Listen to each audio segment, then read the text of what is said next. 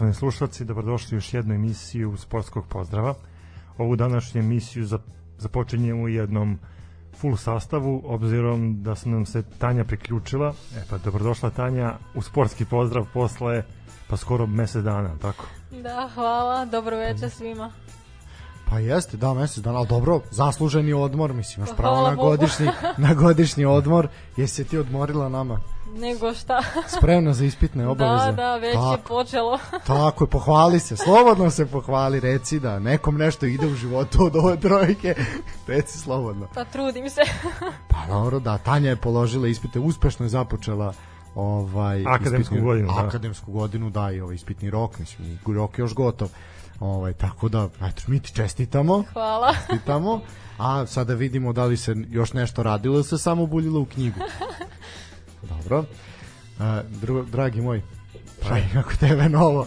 Mislim, jesi ti bio ovako uspešan na nekim poljima? Slabo, Pa jesam, kako nisam. A dobro, pa sad moramo makar malo da kažemo da jesmo. Pa znaš kako, nismo. svaki početak godine je uvek uspešan, znaš, no kako godina polako Uspeh je što smo dočekali novu godinu, a onda je se od- što smo preživeli praznike, u mom za to slučaju. treba ozbiljno da se čovek Bilo pripremi. je gusto u svakom slučaju. Ali tek sad kreće pravo, sad imamo februar, koji je eto, Mesec najma- ljubavi. Da, mesec ljubavi. E, to treba da se preživi.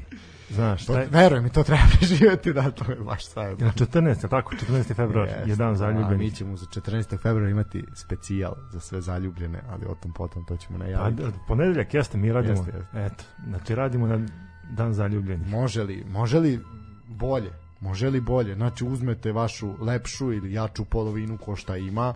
Ako je nekome i lepša i jača polovina, onda druga polovina, onda i to dobro. A Ako mislim i oboje nosite brkove, opet nije problem. Šta god ljudi vole, lepo se zagrlite, pokrite se nekom dekicom pošto su najavili ružno vreme, hladno i puno kiše i onako malo E, a atmosfera to je, to je namerno urađeno tako, znaš, da bi više mogli da da parovi svoje vreme pa, To ti potpuno na kažem, nekim zatvorenim jedna mestima. romantična onako atmosferica, sveća, mirišljava, da se malo opustite, da se feromoni podignu na neki nivo. Mogu i ovi kamini, znaš, koji nisu pravi kamini, ovi samo ko ima, električni. Ili da. ono pustiš naš na TV, uleti se. znaš koliko da. košta taj električni kamin? Ne. Negde oko 60.000 dinara. Pa dobro, to je vidi, skočio standard u Srbiji, to je to, vidi, možete Dve da prosečne, priuštite. dve prosečne plate. Pa nisu dve, jedna, jedna prosečna. Dobro, zavisi kako kome. Vidi, pokažu da je to prosečna plata u Srbiji, tako 500 da... kinti. Pa vidi, to je sve u redu. I onda lepo zagrlite svoju, kao što sam rekao, polovinu ili neko zagrli sam sebe ako nema nikoga i pusti lepo, ili mačku, sa šta imate, i pustite lepo sportski pozdrav, slušate naše umilne glasiće i vidi, vidi. Znači, toliko će se dece roditi za 9 meseci. Baby boom će biti. Neću, Betani će biti na aparatima. Znači, neće znači, radi- radit će radimo tri na- smene. Radimo na poboljšanju nataliteta u Srbiji. Vidi, mora se bela kuga suzbiti, mora ovaj ekonomski tigar neko da povede. Ko će ga povesti ako ne naše potomstvo? Zaista sad je vreme. A šta će vas naterati na snošaj ako ne mi? Zaista. Je, možda, možda zimske olimpijske igre, znaš. A može, to je, to je, pa dobro, to je, vidi, može, bravo, umetničko klizanje, to je poprilično romantično, onako puno strasti, puno sve, pogotovo kad je u parovima, zašto da ne, to je onako za jedne, možda čak liči nekima na kama sutru, možda se neki napale, ovaj, ali to je, znaš, kao ples, a mi koji ne znamo da plešemo, ne znamo ni da kližemo, ostanem samo da gledamo. Tako isto gledamo i one filmove, pošto ovo ne radimo, jel? Tako i gledamo futbol, pošto ne znamo da igramo. E, kad smo kod zimskih olimpijskih igara, eto, zvanično je 4. februara krenula ova međunarodna manifestacija. U Pekingu. U Pekingu, da. E, ono što je meni prvo palo na pamet jeste, osim toga što je ceremonija stvarno bila baš lepo odrađena, jeste to što se, eto, to je prvi neki veliki sportski događaj ove godine. A ono što me je, kažem, zagolicalo maštu jeste koliko imamo mi učesnika. I tu sam se poprilično razočarao kad sam vidio da imamo samo dva predstavnika. Da li je ovo najba, najmanji broj učesnika? Ja mislim da jeste, od kad smo u os, od, od samostalni, da. da. Pa verovatno, sad nisam kao ulazio u detalje. Pa ne, ono, na- ako smo zaista imali nekad samo jednog predstavnika, onda je to baš poprilično kritično. Uh, Slovenci, šta smo rekli? Slovenci Četiri. imaju 44 predstavnika na ovim zimskim Mislim da su olimpijskim već uzeli neke medalje, nešto. Pa to nisam ispratio. Jeste, jeste, nešto, nešto sam video da je savjet, na Twitteru je iskočilo da su uzeli već nešto, Bosanci imaju isto više, mislim da smo mi najgori u regionu, ne znam da li Crnogorci ima ikoga, ali u suštini Hrvati imaju Pa dosta. pazi, Crnogorci sad više pažnje usmeravaju na premijera. Pa da, i na auto litije. da, sad se, znaš, sad kad se skinu zimske gume, onda će krenuti opet litije u kolima. Tako da, dobro, oni imaju sad drugi. E, problem. kad, kad smo kod olimpijskih igara zimskih, uh, učestvuje 3000 sportista u 15 disciplina i 7 sportova. Nas predstavlja Nevena Ignjatović i Marko Vukićević koji je između ostalog i bio taj počasni član naše delegacije koji je nosio zastavu. E sad kad smo kod uh, tog famoznog prenosa koji je RTS-om RTS inače prenosi da znate sve manje više ono sva zanimljivija takmičenja prenosi tako da možete uživati na RTS dvojci. E, znaš kad, smo kod RTS-a, RTS je prenosio svečano otvaranje i opet kažem, neko meni je svečano otvaranje stvarno bilo nekako u domenu olimpijskih igara, sve je bilo super. I na red dolazi naša zemlja, gde komentator kreće da najavljuje Srbiju, eto Srbija učestvuje na olimpijskim igrama, imamo dva predstavnika i onda kreće tajac i onda kreće prilog da je naš predsednik u poseti Xi Jinpingu na sedam dana i da je iskoristio priliku da odgleda i tu ceremoniju, da je bio u, svečanoj loži sa ostalim visokim zvaničnicima i sve to što ide i na kraju sam shvatio da smo eto bili uskraćeni za discipline u kojima učestvuju naši olimpijci, za mnoge informacije, ali eto ja sam saznao da, Da, to ti samo pokazuje koliko zapravo se interesuje. Pa znaš kako, eto, ja sam saznao eto, da, da, da predsednik uh, u poseti Kini A to ti je bitnije. To ti je bitnije. To ti je bitnije. Razumeš, mora se znati šta radi se. Da ova zemlja napreduje, da se radi bre nešto. Šta sad, mislim realno, aj sad da se ne zajebamo. Ovaj, da prostim rečnikom to kažem. Da ne budemo ovaj u ono iluziji nečega što nije tako. Uh, realno smo zaboravili, sad si malo pre pročitao, da smo zaboravili kako se ljudi zovu, nažalost. Ovaj, dečko taj je... nije zaboravila Slagalica. Slagalica je taj dan napravila uh, u onom delu kad ide onaj kviz. Da, mislim, ispratio sam Slagalicu. Ko zna zna. Da, ko zna, kako zna. zove, da. E, postavili su pitanje uh, da se spoje oni parovi Dobro. i kao u jednom momentu, znaš, ide njeno ime i prezime i sad, da su meni rekli taj dan u prenosu kojim se ona sportom bavi i kojom disciplinom, ja bi verovatno to pogodio kad se spaja, ovako nisam znao, ali nije eto opet fora da ti opet hvala, odaju. hvala Slagalici koji je uspela da mi informiše u kom se sportu Vaše dotična bavi. pravo da znate i vidite sve. Milion puta jel repriziramo. Znači, je li to slogan RTS? Jeste. Jesu oni to ispunili? Jesu. Je li ti žao što si platio pretplatu 240 dinara? Nije. Jel tako? Ne, ja bi dao i više ako treba. Pa, a ne traže oni više, što su skromni ljudi. Što su skromni jedni ljudi, rade za male plate, bre. Jedva spaju kraj s krajem. Pa evo, mi smo malo preslušali da je Aca Stanović bio na večeri sa, sa Njegušem Petrovićem i sa, i sa ovaj. Vlahovićem i da je Sam on plat- platio njih. Otimali se Bog te za račun. Ne ja ću. Meni ja znam da vama dvojici futbalera je teško. Nemojte vi. Pa treba kupiti novog, novog Porschea Cayena ili već ne znam šta. Ili ako puno troši sad skočilo gorivo jebi ga u Srbiji. Ne, vi radite kod privatnika. A radite, pa dobro da. ja sam radim u državnoj državnoj- firmi, ja ću da platim ja ću platiti, naš, ipak sramota je sad da ja, ipak sam ja i stariji, i radim u državnoj firmi, sad, će reći sad, evo vidiš, ogrebo se, i ovako kao pljuju, ne znam otkud to mišljenje u našoj državi da se ovi iz državnog sektora grebu za ove od iz privatnog. Evo i Čaca Stojanović je to pokazao da to nije istina. Znači nije nego, jesu ljudi iz državnog sektora široke ruke, bre, široko grudni su. Vidiš kako ih je počastio. A možda jednog dana njega ako se Ako se sete, sete, sete se. sad du, Duca ovaj, Vlahović kad je potpisao za Juventus, možda ga eto u Torinu nekad Acu Stojanović izvede na jedan produženi sa hladnim mlekom, ne ni sa toplim, da ne bude skuplje, da se ne troši struja, da se I sa žutim mleko. šećerom. Ma, ma, pa sad žuti E, je da, skuplji, žuti, da, ono, ne, žuti je skuplji, da. ne može, jebi ga mora. A da, ne može ni žuti, nije, Ne, ne može žuti nije nikako, politički ni- korektno, da. Pa ne, pa pazi, Pa nije da, pa mislim, ne može. Jel žuto, gde je žuto, tu je naranđasto, a gde je naranđasto, tu je šolak, a gde je šolak, tu je Southampton. Ne, jebi ga, ne, znaš, nije, nije u redu. A gde je Southampton, tu je SBB. A ne može, mora se paziti na imidž. nego da se mi vratimo na zimski olimpijski Pa tu igre. smo Eto, mi, tu znači, smo. naši reprezentatici se takmiče u spustovima i sad sam Da došao... li se kaže spustovi ili spustevi? Aj, Pa. to je, mislim, nemam pojma da. Ne znam, znači, Tanja, ne znaš. Ajde kako neko zna, nek nam javi na 06071452666. Znam da ima ljudi koji poznaju srpski jezik bolje od nas, definitivno. Ali sad, znaš kao, razmišljao sam u tom momentu kao Slovenci imaju Triglav, mi imamo više planina, ali kako to da mi imamo dva predstavnika, Slovenci imaju 44? A, hm, Ne, i onda sam shvatio, Dobro. znaš, posljednjih par godina jako je popularno u Srbiji, to vidim po, po ljudima na Instagramu koji stalno zimuju, koji skijaju, koji se voze.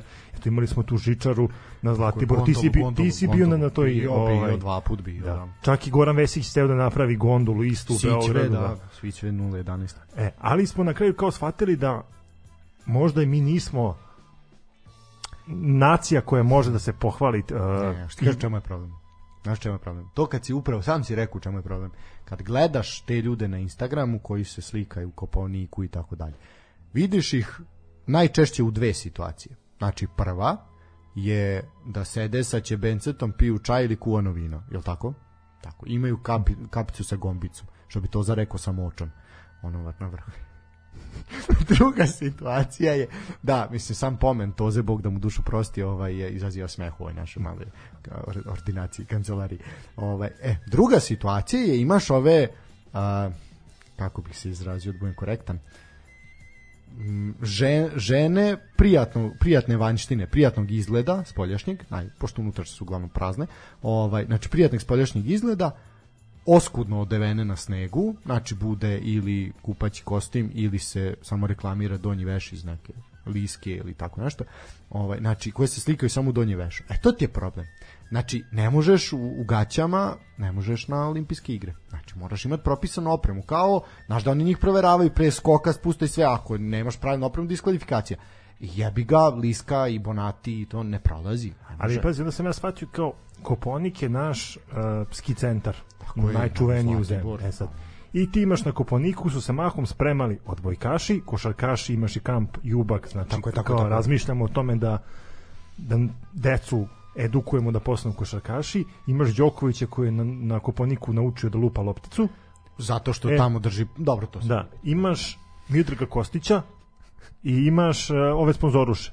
Eto, I to je to. Sad, kad ne možeš tako, ne, to nisu to. sponzoriše. To su žene koji su, kojima su drugi velikodušni ljudi platili zimovanje da bi se gledali njih kako se slikaju u kupaćem ili u donje vešu na, na snegu. Znači, nisu to sponzoruše, moj tako. Nije to u redu. Sad šeći još da su silikonski. Nisu, samo su malo nadogradile šta im fali.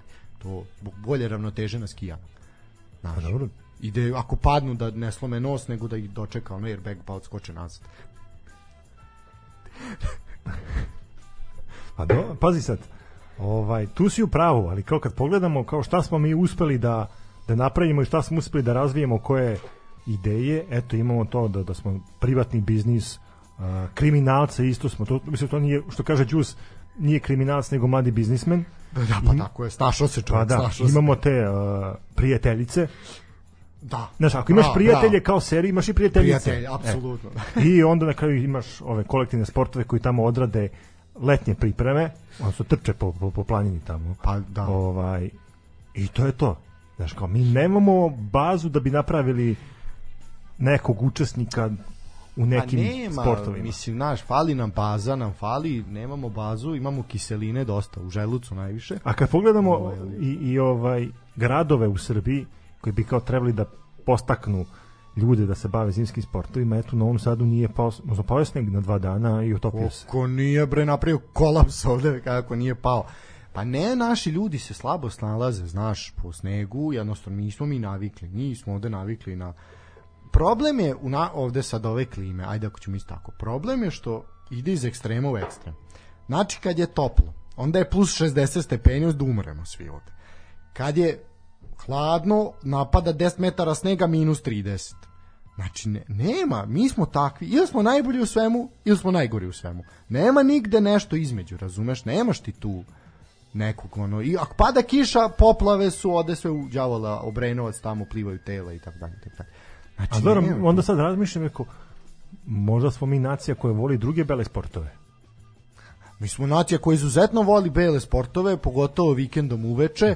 Ta, ti beli sportovi su isto imaš bele linije koje onda je poenta što brže da nestane. Da ih što brže obri, obrišeš. To je jedan tako popularan sport u našem narodu postao u poslednje vreme. Mladi jako puno se ovaj, aj bolje vidi, bolje da to rade mladi da se bave tim sportom nek da sede na ladnom betonu. Ja sam pravo. Jeste. Što se tiče zimskih olimpijskih igara, A i taj beton treba da bude ladan, znaš, ni, ni to nije lako. Pa dobro, sad ovo je Dehaton što ne, ga stavljaju. A ne, pogledaj, ce, ceo grad je izgrađen od betona. I onda krene sunce plus 30. Gde da nađeš Dobro, hladan beton? Pa dobro to kad dođe sunce, lako je, ali preko zimskih perioda je bitno sačuvati jajnike I ladan beton. I testi se, i ladan beton.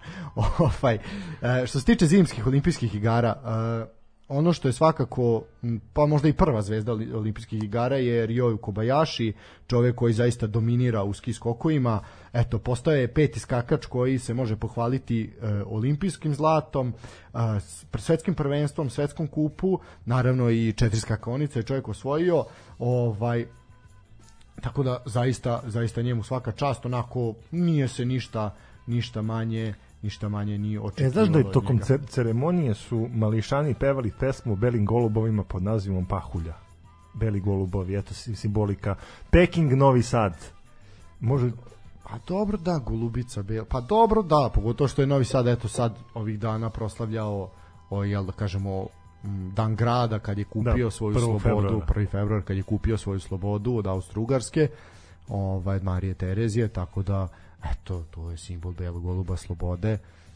Eto, sve se to, vidiš da je to sve, pa, ali ja, znaš ti ja nešto sad kažem, to je predsjednik Vučić uticao da bude ta pesma, a to je zapravo, pošto su mi kinezi braća, jel, bratski narod, onda su oni to sve, da eto, kažu čast Novom Sadu, kao, pa i Beogradu, i u Beogradu, tako, s Beograd nalazi isto bela ptica, ali se meni čini se. ne, vrabac. Ne, a ne vraba, dobro to, to je Radojičić što pravi ove kućice za vrapce. Pa da, ne. Šta se nalazi na grbu? Brod.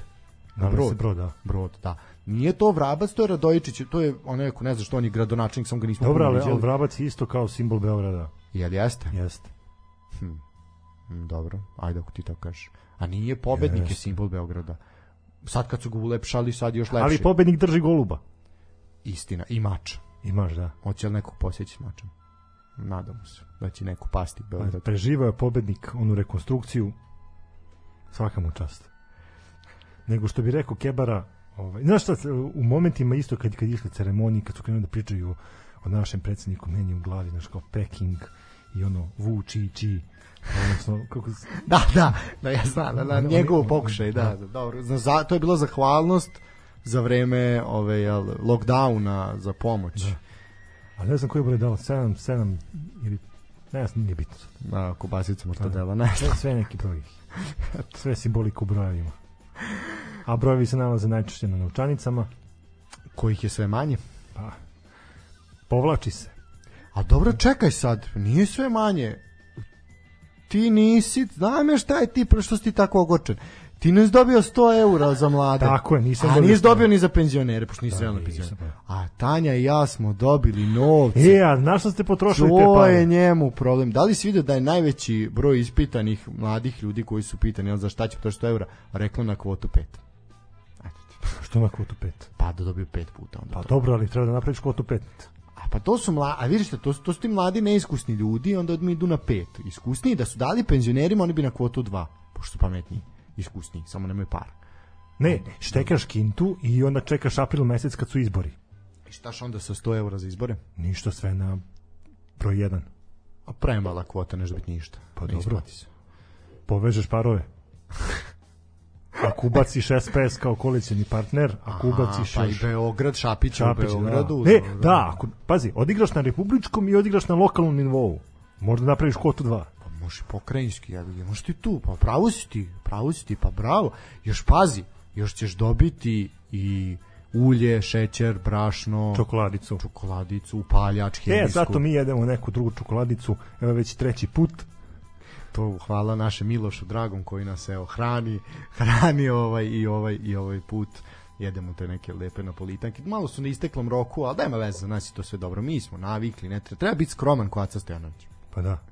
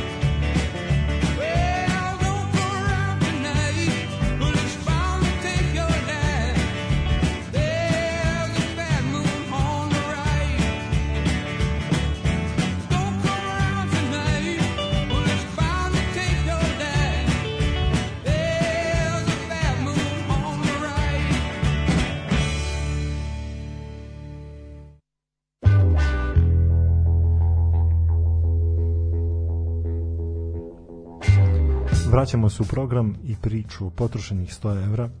Nastavljamo ono što smo krenuli na pauzi, pa me eto zanima kako ste potrošili tih 100 evra državne pomoći. Nikako. Dobro na štek. Pa dobro. Ne pika. Treba i to moći i znati. Treba moći Ne, ozbiljno, Tanja, si potrošila tih 100 evra? Ne. Nisi, Stvarno? ne. Čuvaš, pa dobro. Istina. Student, student je čoveče. Ovaj, student je đavo. Pa u suštini, ja sam potrošio, ja sam malo ipak odgovorniji, ja sam ovaj platio račune na vreme, platio... Znači, izvršio si svoju građansku O, obavezu. apsolutno, apsolutno. Ozbiljno, Tanja, kao, još uvijek nisi potrošila te pare. Meni je to nevjerovatno. Vidio sam da su uradili prilog ovaj, neke novinske agencije kao kako ćete potrošiti 100 evra i da su anketirali mlade na ulici i to je manje više bilo ono jako interesantno. Katastrofalno. Ne, ljudi su pričali, znaš kao idem u kafanu, potrošit ću u kafanu, neko je napisao plaćanje računa isto kao ti. Pa je neko, ovaj, ja mislim, čak rekao da planira možda neko putovanje, neki odlazak negde. Ja pitam to gde sa 100 evra možda se ode lebati. Dobro pitanje. Gde će otići sa 100 evra? Ne može do Subotice otići. No, pa možeš. A dobro, Ne, možda da. Subotice, ali ono, mislim... Šta? Mo- Mora Holom banja 1700 dinara. Može, može li se na Ostrog otići? Pa može. Mm. Može, može. Može. Može. Ili Tumane. Premoš na Tumane. Dobro, Tumane možeš može sigurno. Ma možeš na ostrog. Dođeš do Beograda i onda Beograd bar. A dobro imaš ove organizovane prevoze. To je Pa da, ono. može to da, to je jeftinije. Možda još na Kosovo. Ako možda uđeš tamo. Ili bežiš od policije ko ovaj Radojičić. A možda ideš i u Makedoniju. Šta šta? Pa kad i oni beži od odatle, šta što ima do tamo? Pa eto ono. Pa znaš, on svi idu odatle. Pa ne, ono, slikaš se ispred svih onih statua u centru grada, Skoplja. I imaš ti statu i kod nas, jebi, imaš sad kulu u Beograd, idi pa se slikaj. To na voz ćemo potrošiti sad kad E, krenemo, bravo, da, na kartu. da. Jesi vidio da je država raspisala konkurs za, Za ime. a, ime, ime i, I za logo. logotip, da. Ovaj, milion dinara, pa izvolite ko je vešt. Mogu bi se ti oprobati, tvoji posteri su dobri, što ne bi napravio nešto? Pa i taman bi mogu da smislim neki dobar naziv. Vidi, uzmeš milionče, nama daj po 10.000. Jel dosta? Pošteno ako uzme milion da nam da po 10.000.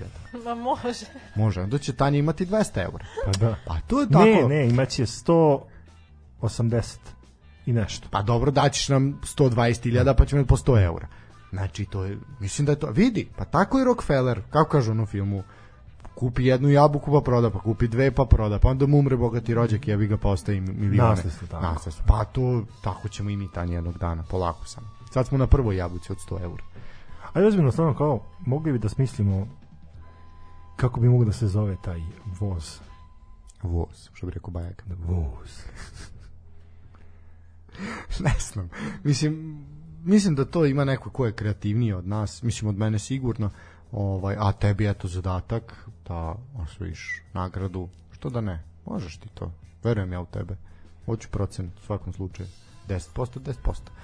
Ovaj, dobro, hoćemo se mi malo baviti ovaj, Sportskim spo- dešavanjima. Pa mislim da dosta smo. Ovaj, što se tiče ovoga, svakako krivičnu prijavu ćemo dobiti, a što se tiče... Zašto krivičnu prijavu? Ako smislimo, ako, prekršajnu, slušaj, ako smislimo logo i ako smislimo naziv za, za taj voz, pazi, Tito imao plavi voz. A Vučić ima crveni. Pa. Pa mislim, Ali to njegovo nešto išao za, na kosmet. ono je oslikani. Da, da. Pa Sa nije, freskama. Nije njegov, to nije ništa Ne, njegovo. nije njegov, to je ruski, da, Rus, Rusi su nam Dobro, nije naša proizvodnja, da, ali nije ništa predsjednikovo. Mislim, mi smo predsjednikovi, on, mi smo njegova deca, ali ništa nije njegovo. On ima polovnu škodu i spava kod tetke na kauču garsonjeri. Nemoj, mislim, nije ništa njegovo. Ne može da on da ima voz. Ili ko što pričaju da ima lokale po gradu. Nema, nemojte vi tako. Znači, čovjek je jedan skroman, skroman čovjek. Ali će platiti piće uvek. Kao i Jaco Stenić Pa da. i odvešćete u Škodi ako si popio, pa da, da ne plaćaš taksi. Tako, Samo da se vrati iz Pekinga. doći će. Mora, ne može nas ostaviti bez vodstva. Ne možemo, kako ćemo to? Mi smo nesposobni da brinemo o sebi. Odmah haos ovde nastaje. Znaš, kad Odmah im- cirkus. ima ona urbana legenda kad je Tito otišao Aha, zemlje za Beogradskog za fantoma, Beogradskog da. fantoma, da. Ako nisi gledala, pogledaj film, zanimljiv je. Da li neko divlja ulicama? Ulicama. O, ja znam jednog dečka koji sigurno sada divlja, to je naš drugar Daniel koji se ponovio novim automobilom i tako je njegov taj mini, mini Cooper koji je kupio tako crni, podsjeća na tog Porschea koji je ovaj na vozio. Countryman. A pa podsjeća i na countrymana. Tako je. Tako da sada ovaj ulicama grada Novog Sada jurca jedan fantom ovaj čupave kose, tako da ovaj, Apelujemo na, na državne organe. apelujem na drugare u plavoj To je uniformi sa motorolama da ga Da ga zaustave. kako buzdaju. Mora se bre znati čvrsta ruka zakona bre, ne može to tako. Kad smo kod čvrste ruke, a, ja sam bio ovaj poprilično kako se to kaže pozitivno iznenađen kako čvrste ruke ima golman Gabaski iz Egipta. Čovek je poskidao sve živo i osvanuo je kao ilustracija čuvenog uh, Omara Nimanija, čuvenog karikaturiste ovaj, kao da mu je biceps kao ovaj, atlas, jel, kao planina.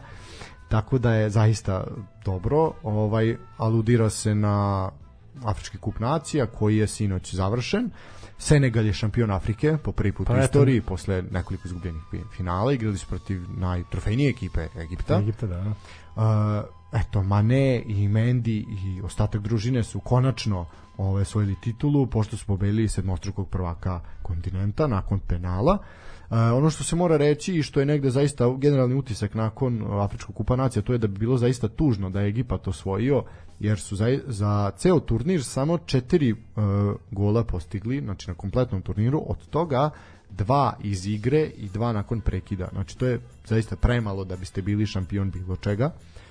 Uh, ono što je zaista vredno pomena kod Egipta je rezervni golman Gabaski kog sam ovaj pomenuo, čovjek je skinuo pet penala u nokaut fazi, u finalu je skinuo dva, a čak i u regularnom toku utakmice skinuo, skinuo penal Maneu. Uh, što se tiče uh, pogodaka, uh, kod Egipćana je štoper Abdel Nomen u drugoj seriji postigao pogodak, zapravo pre, prevario golman, ali nije postigao pogodak, nego je pogodio u stativu, dok je u četvrtoj seriji Mendy odbranio penal eh, rezervisti Lašinu, nakon čega Mane u petoj seriji pogađa i donosi prvi trofej u iz Senegala. Eto, a, taj skromni momak Mane zaista nakon uspeha sa Liverpoolom ima uspeh i na reprezentativnom nivou uh, igrao je protiv svog klubskog kolege Mohameda Salaha i to je bilo onako poprilično zanimljivo za gledati. Što se tiče Senegala, apsolutno najlepši futbal na turniru i apsolutno zaslužena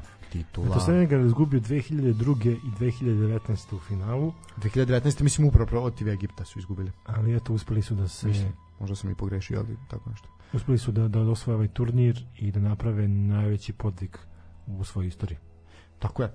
Uh, e sad, dok se sve to dešavalo na crnom kontinentu, u beloj Evropi, harah, ovaj, da ne kažem što drugo, ovaj, haos, uh, potresi u Holandiji, uh, u Amsterdamu, ali ne od dobre muzike, glasnog basa i kolačića, nego o, i crnih fenjera, nego ovaj put uh, skandal u Ajaxu, Marko Overmars koji je dosadašnji sportski direktor Ajaksa dobio je otkaz zbog slanja većeg broja poruka neprimerene lascivne sadržine koleginicama, saopštio je klub.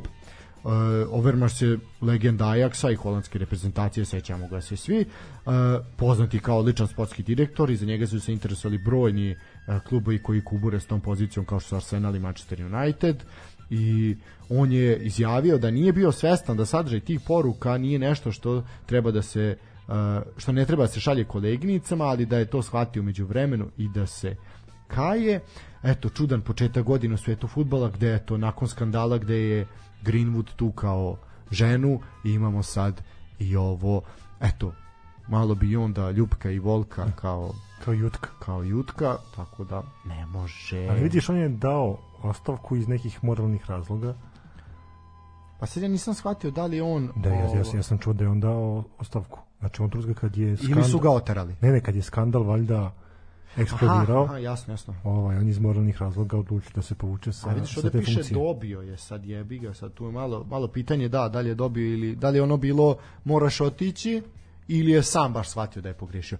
Ali vidiš ti kako je zadnje vreme došlo na ovoj planeti, više ne možeš poslati ni sliku penisa u nečiji inbox.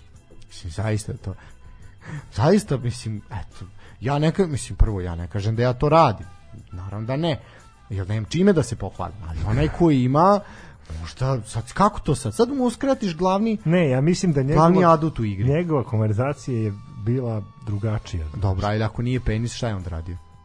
Pa Misliš da je bilo ljubkama i volkama i to, pa da, želkama? da. Pa ne znam šta je tužnije. Tanja, šta je tužnije? Kad iskoči ono ili kad ljubka, volka i želka? Našao si koga ćeš Pa što, pa ti si žensko. Šta se, pa ne, bilo bi tužno da ja znam to. Nisi imala takvi. Sad, ne bez sad, aj sad bez zezanja da pričamo. Ovaj, mislim, to je generalno problem. Problem je ta internetna kultura i šta se šalje, šta se ne šalje. Mislim, ovo se ne šalje nikako, ali aj dobro. A čekaj, za, za odnosi među zaposlenima ne bi trebalo da budu malo prisniji. A dobro, ali mora biti profesionalizam. Možda ne baš toliko prisno. Možda ne baš toliko prisno. Da li si ti sad imala, mislim, ono, koristiš društvene mreže, mlada Da. si ženska osoba, je li bilo tako nekih, neću reći da li je bilo tih slika, nego da li je bilo tako neko napadnih ljudi, muškaraca, momaka, da ono, da su dosadni, su neprijatni, da ti šalju poruke ako ih ne poznaješ, ti se dešavalo tako nešto? Da, pa mislim to je u 21. veku normalno. Pa, E, vidiš. nažalost, nije normalno, ali je tužno što, je, što postaje svakodnevnica. Pa da, to. ali to je mislim popriličan popriličan mislim znaš kako ajde ako sad imaš onu pogotovo priču u, u Srbiji ono kad neko se desi neko silovanje i tako nešto jezivo i strašno. Linč, silovanje, nasilje. da ovaj ti imaš to pa kao ali ona je izazivala. A čime je lebati izazivala? Time što se slikala malo izazovnije pa šta sad ono ajde da budemo svi pokriveni do, do nosa razumeš pa da li ćete onda izazvati? Mislim to su gluposti naravno svako treba da bude odgovoran i da kreira svoj profil na društvenim mrežama onako kako želi. Da li će to neko uraditi golotinjom ili će to neko uraditi slikanjem hrane iz skupi restorana ili ko mi slikati jedni drugi ovde dok sedimo i pijemo pivo i seremo svemu. Mislim naš, ali to ti ne daje za pravo da budeš kreten. Da. tako, ali što bi rekao Albert Einstein nakon što je ukro ovaj svesku Milevi, Milevi Maris tamo prepisao neke formule za Nobelovu nagradu. Svako ima pravo da se kreće i da bude kreten. To je, ne možeš mu oduzeti. Osim ako si pozitivan pa onda ne možeš da izađeš iz države ili ako nisi vakcinisan. A, kad smo kod vakcinacije UEFA zabranjuje igračima koji nisu vakcinisani da na proleće igraju u UEFA-inim takmičenjima. Komentar? Težak udarac na futbol. Prvo, to. Zato što imaš ljude koji su podeljenog mišljenja, koji su protiv vakcinacije, koji misle da da bi eventualno vakcinaciju mogli da, da naruše svoje zdravlje. Druga stvar, ako pogledamo da smo imali poslednjih godinu, dve, veliki slučaj zaraženih igrača, Mhm. vakcinacija jeste potrebna i opet će to da nekako polarizuje ovaj podeljeni futbalski svet na jedne za, jedne protiv. Ja mi- Vidi, radi se samo o futbalerima, za sad da, da, da, da, da, na da, publiku. da, da. Kada pričamo eto o, o vakcinaciji futbalera ja mislim da je to podobavezno zato što samim tim da vi se krećete i da ste konstantno u nekom trenažnom procesu e, može se doći do nekih e, komplikacija neke druge vrste opet e, to su igrači koji stalno putuju koji su ovaj u, u krugovima velikog broja ljudi tako da mislim da je da je stvarno potrebno to da, da, da se da se uradi ja ne znam kako je vaše mišljenje ali ja podržavam ovaj UEFA stav Ja mislim da apsolutno i ne samo ne bih ja samo to ograničio na na futbalere, ja bi tražio i publika da se vakciniše. To vidi, znaš kako.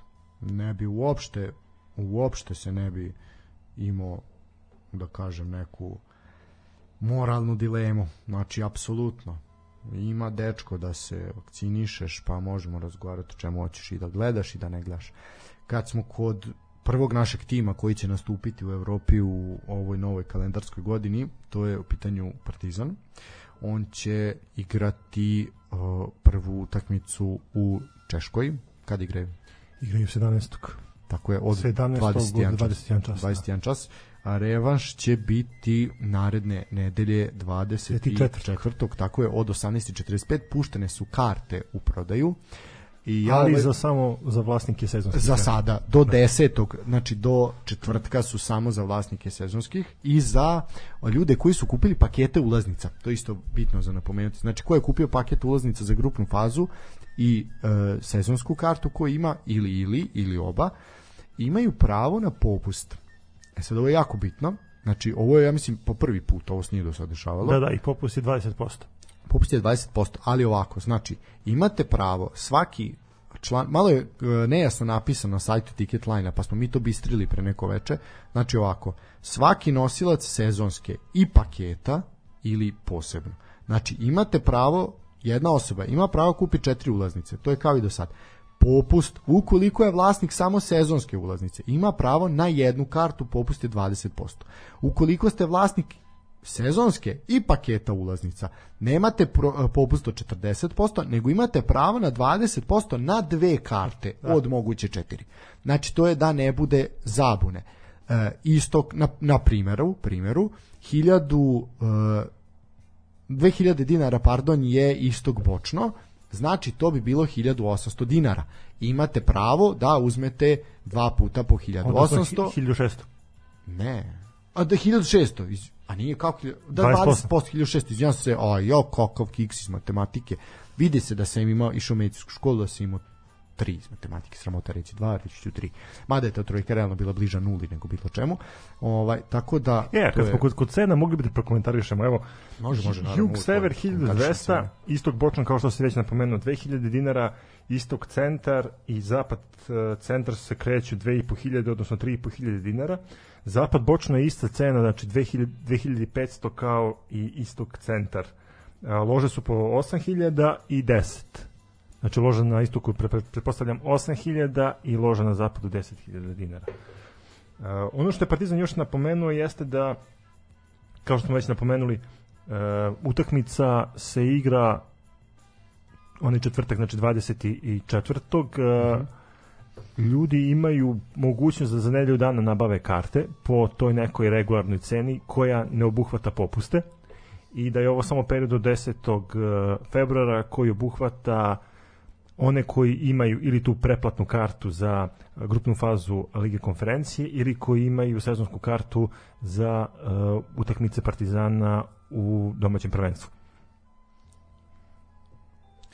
Tako je, ovaj, mislim, vidi, sve je okej i moram pohvaliti, zaista ne, ne mogu da pronađem zamerku nigde, na vreme je počela prodaja karata, znači sasvim dovoljno vremena, sedam dana imaju ovi sa, da kažem, sa pravom preče kupovine i zaista, apsul, ovaj put, ovaj put sve pohvale ovaj, Partizan, Zanu, Partizan zaista. je u malo lakšoj poziciji u odnosu na svog rivala. Svoj, uh, njihov rival još uvek nije pustio prodaju karte za, za utakmicu. pa dobro, ne znam još ni proti koga igraju. Mislim, Ne, protiv Sparte.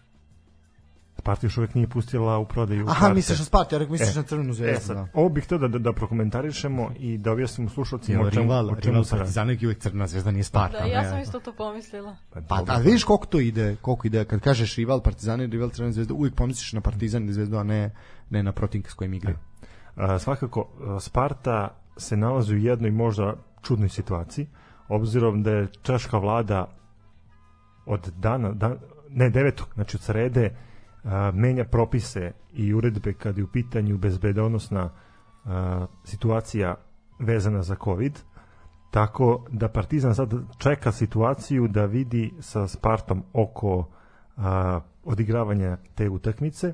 A, zvanično, koliko sam ja dobio informaciju, a, češka vlada je odlučila da poveća kapacitet ljudi na stadionu. Do sada je bilo 1000 ljudi po futbalskoj utakmici. Maksimalan broj a, ljudi na stadionu je bio oko 1000.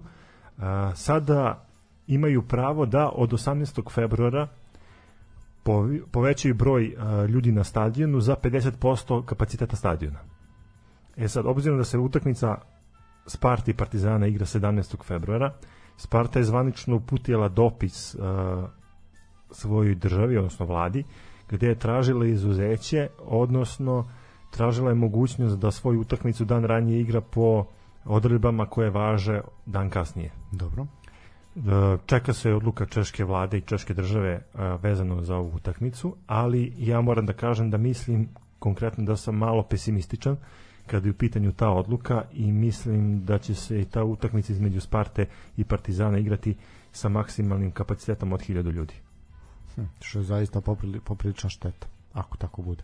Da, ali eto opet uh, A Partizan, da li, dobro kaži, Partizan ima tu mogućnost da na svom stadionu dočeka uh, Spartu u mnogo većem broju nego, nego što je obrnuto.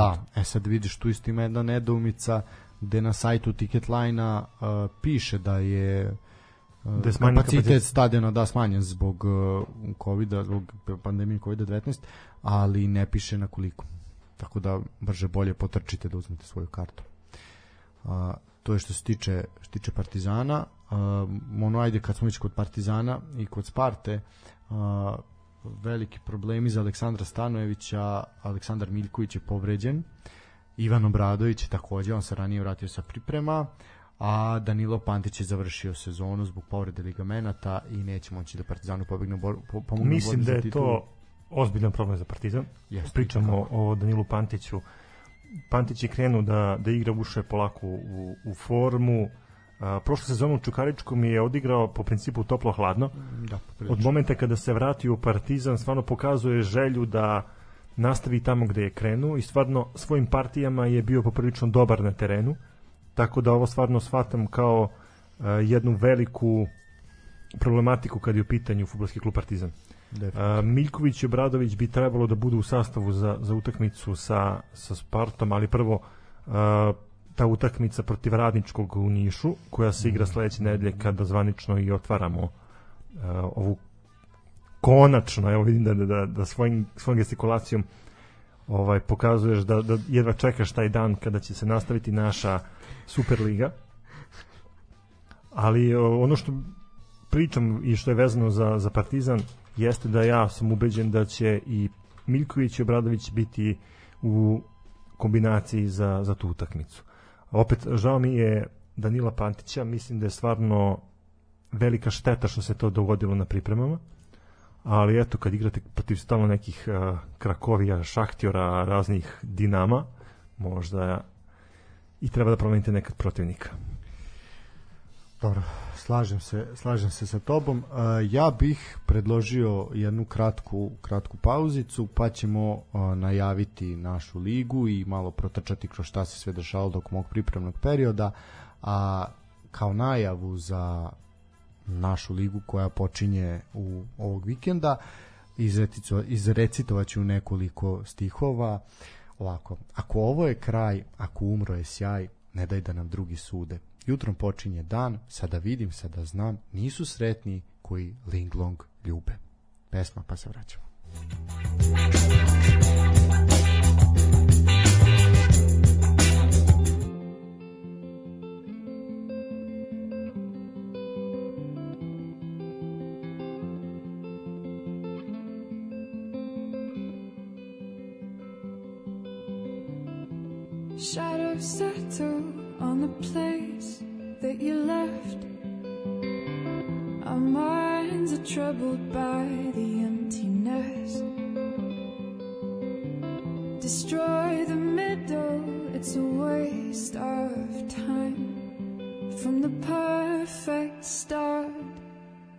finish line. And if you're still breathing, you're the lucky ones. Cause most of us are heaving through corrupted lungs. Setting fire to our insides for fun. Collecting names of the lovers that went wrong. The lovers that went wrong.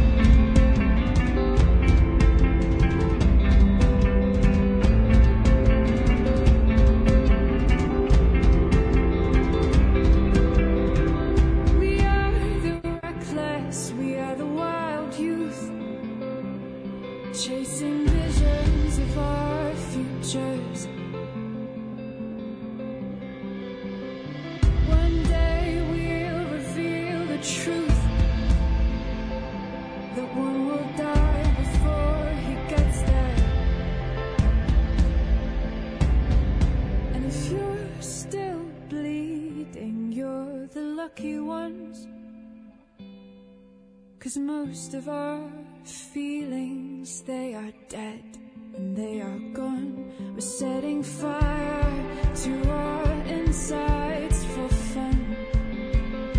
Collecting pictures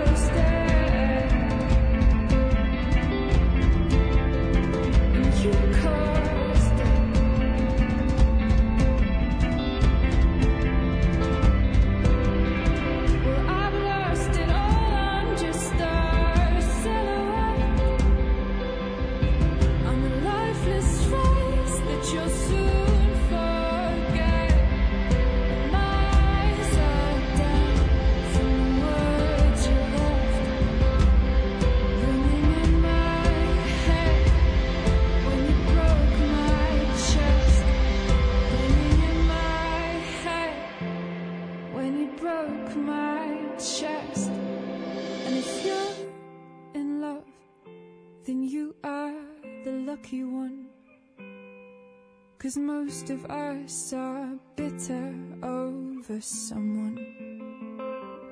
Setting fire to our insides for fun.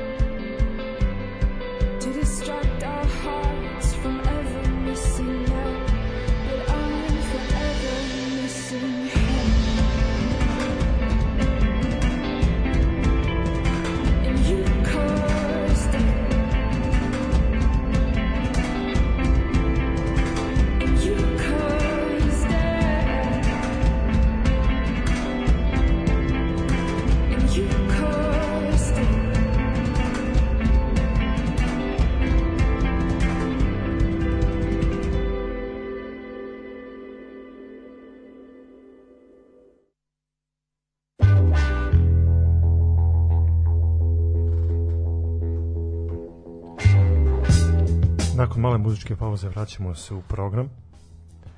Ono što me iznadilo prošli vikend i što smo uspeli da pronađemo jeste informacija koja je svakog ostavila u šoku, a to je da se zvanično naša država nalazi u procesu kandidature za dobijanje evropskog prvenstva 2028.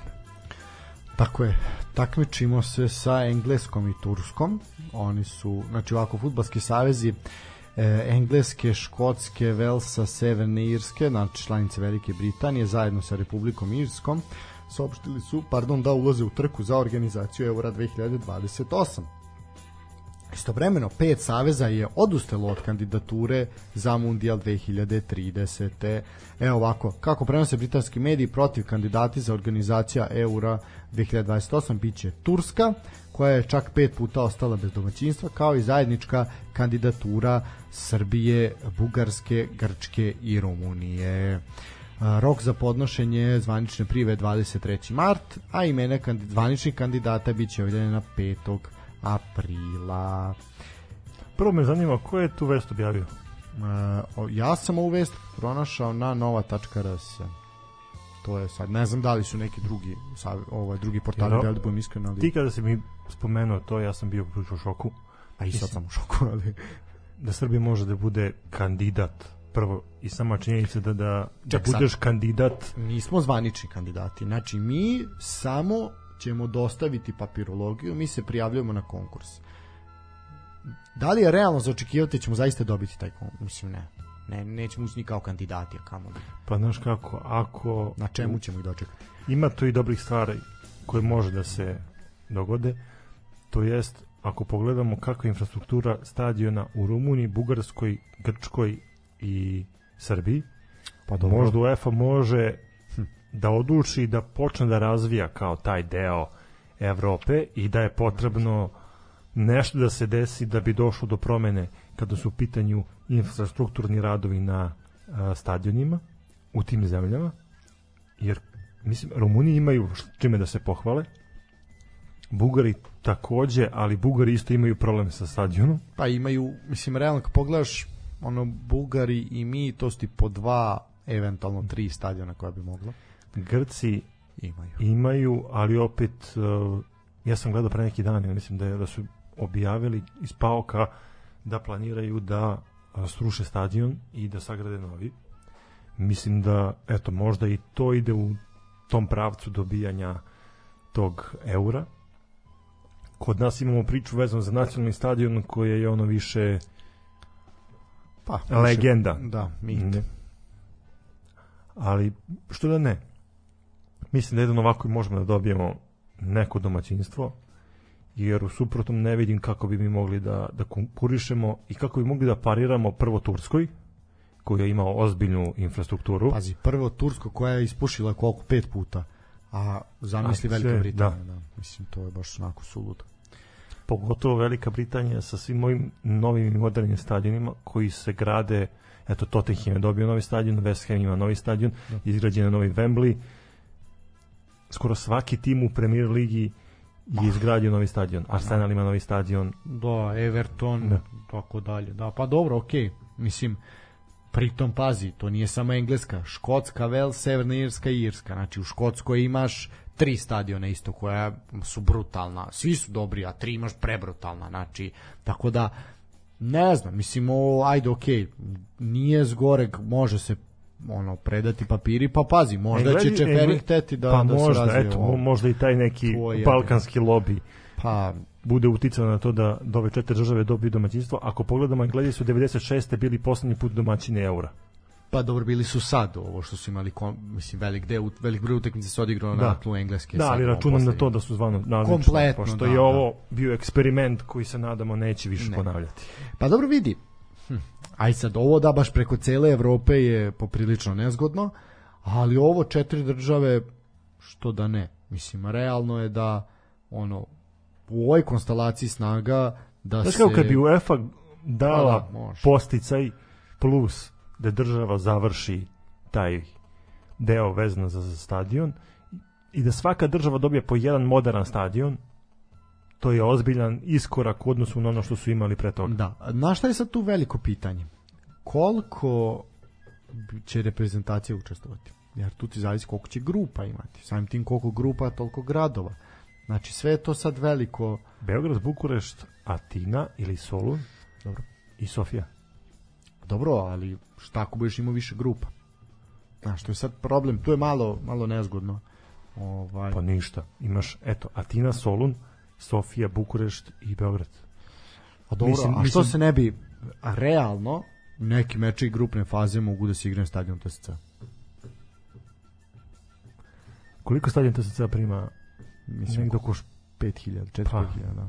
Da li to malo? Pa ja mislim Ali da jeste. je on modern koji može da Pa dobro, jeste modern, ali pogledaj imaš uh, klubove u Grčkoj, klubove u Bugarskoj, čak evo to je u, u Rumuniji, koji imaju veći stadion. Da, stadion STAU je ogroman, da. Pa ne znam, mislim, ovo, ovo je tema za razmišljanje, ozbiljna tema za razmišljanje, ali što da ne, ajmo se Znaš, prijaviti Mađari pa kad su krenuli uh, u rekonstrukciju njihove lige, prvo očišćivanje od korupcije, od svih tih stvari, ja sam bio ubeđen da se Mađari spremaju za euro.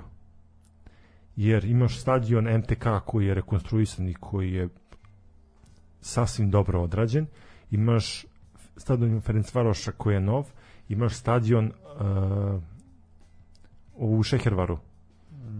Ovaj Videotona, imaš veliki nacionalni stadion i ja sam bio uveđen da Mađari idu na tu kartu dobijanja evropskog prvenstva jednog dana.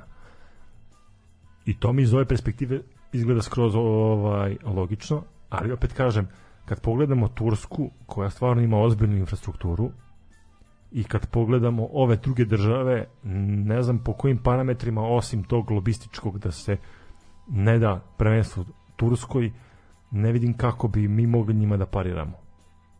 A opet se vraćam na to da ako uđu Englezi u priču, da sa svojim lobijem, da sa svojim uh, futbalskim uticajem, da sa samom činjenicom da se futbal vraća kući, da mogu ozbiljnu stvar da naprave. Pa dobro, mislim, ajde, okej. M, Ajde da vidimo. Ja sam za to da se predaju papiri, pa ćemo vidjeti. Bilo bi jako lepo da bude kod nas, pa makar odigrala se i samo grupna faza, ali mislim da je to poprilično nerealno, no o tom potom vidjet ćemo od UEFA zavisi. E sad, kao što smo najavili mojim divnim recitovanjem u kraju prethodnog segmenta, football is coming home. Vraća se kući. Dolazi konačno posle eto 72 dana na mom nije 72 dana. Jeste. Na mom srcu leži rana, a bilo je ili 42. Nije ni bitno, meni ko da je 70. Vraća Pa se. da, januar ima A januar imao 76 dana, samo januar došao u decembru, što mislim katastrofa. Ovaj, tako da, vraća nam se, dragi moji, ono zbog čega nas najviše slušate i zbog čega ste najviše počeli da nas slušate, a to je Link Long Super Liga. Takmičenje počinje sada, za ovaj vikend, e, već 12. ćemo imati prve okršaje, ali ja bih voleo da pre nego što najavimo parove, kratko pretrčimo ko je šta uradio i ono što je ovih dana odjeknulo ovaj Srbijom i Balkanom uh, ovako uh, prva bomba, poprilična bomba je Čukarički je doveo najboljeg strelca Novog pazara Admira Spahića nakon što je Đorđe Jovanović napustio ekipu Čukaričkog, otišao je put Izraela, otišao je u Makabi iz Tel Aviva ovaj puno sreće, čovjek se dokazao, um, rehabilitovao karijeru i sad je vreme da uzme neke novce. Uh, mislim da će u Makabi ako odigra na nivou kao Čukaričkom biti ozbiljna odskočna daska za nešto dalje. Uh, zamena je to ekipa Sašilića i dovela Admiragan Spahića, čovjeka koji predviđam onako isto jednu solidnu, solidnu karijeru. E, ali prava bomba, show koji nas čeka, jel, jedan veliki showman se vraća na, na, Na klub. pokraj, pokraj terena, zelenih terena, nekad i brown terena, zavisi kako je vreme. Nenad Lalatović, popularni i od milja zvan Lala, je potpisao ugovor sa radničkom iz Kragujevca. I meni se ovo sviđa iz više. Dobro, ti si ga prezivao. Ja sam ga prizvao i rekao sam čovjek će se vratiti. Ali ja ću se vratiti, ko što kaže pesma. I sad, nije to samo zato što je on nama zanimljiv i što će nam davati povoda da pričamo o tome što će privući tu taj fokus ka Superligi će biti širi i veći. Što će Renan morati da angažuje još jednog Što će Arena, taj koji je bio na prinudnom godišnjem i malo će sad morate se vratiti u formu, nek vežba polako. Nije samo to. Nego on nije potpisao klub koji je stabilan u- na sredini tabele, pa ono kaže nije zanimljivo, neće biti zanimljivo. I nije po- potpisao ni za klub koji znaš da će osvojiti titulu. Ja, znamo koji je to klub. Ovaj, nije potpisao ni za neki klub iz vrha lige, pa tu kao bori se za Evropu, pa ne uradi ništa u Evropi i tako dalje. Ne. Čovjek je potpisao za najgori klub u ligi. Ljude koji su Dobro, jedan od jedan od ali loših. vidi, oni igrom su se najviše mučili. Znači, to je radnički iz Kragujevca. A, I bit će zaista jako zanimljivo pratiti iz kola u kola, jer vidi, što je rekao ovaj Batak, svaka utakmica je finale, tako će biti za radnički iz Kragujevca u, u drugom delu sezone. Znači, svaka utakmica će biti borba. A šta misliš, koja je bila preporuka Lalatovića da dođe baš u radnički? Šta ga je privuklo baš radničkom? Hm, ajde ako izuzmemo Slavka Perovića koji je sportski direktor, a, koji je njegov jel, bivši saigrač, pa ja mislim da je želja za taj, taj izazov, ta avantura koju će on osjetiti u Kragujevcu. A nije politička pripadnost. Ma ne, ma nemoj ti sad, vidi, opet on sad, viš Tanja šta on radi. Ne bre, to su čisti sportski motivi. Čovek će uraditi nemoguće. Great Escape, ko onaj film kad beže iz logora. E, to će i on. Znači, vidi, mora sad... Pljačka trećeg rajka isto kaže iz, iz logora. Pa jeste, šta je? Pa jeste, Jeste, gde se da. setio najgoreg filma u istoriji kinematografije. Nije, dobar je. Ma daj, beži. Ima i osvetnički karakter, ono kad Dragan Nikolić se vraća da obavi svoj deo. E, to je to, to Ono, Latović to se je vraća da Rekao obavi je, svoj deo. vratit ću se, rekao je, vratit ću se, e sad ću vam majku, majku majčinu. Pa i sam Lalatović je, je rekao da su ga mnogi pitali da li je, da li je normalan što dolazi što dolazi ovaj u radnički iz Kragujevca, on je na to odgovorio da nisam ovde proveo godinu dana kao igrač sa 18 godina i živeo u ovom gradu, ne bih verovatno ni prihvatio ponudu. Emocije su prevagnule. Ovaj klub je meni tada zaista mnogo, mnogo pomogao. Sad imaš četiri simbola Kragujevca. Koji su? Pa zastava, radnički, Latović Jel, i Šumarica. to je to. sve si rekao. I ispravnim redom si ih, toliko su i bitni. Tim, tim redom si ih i posložio. Sve u svemu čeka nas popriličan haos i mislim ja se radujem, ja ne znam, Tanja se jedina ne raduje, ovaj, ali ja se, ja se jako Što se ne raduješ, Tanja? Ti ne Povratko raduješ, povratko? Ne samo Nenada Latovića, našeg futbala generalno. Pa Zato što je meni tako sve jedno. A nije sve jedno.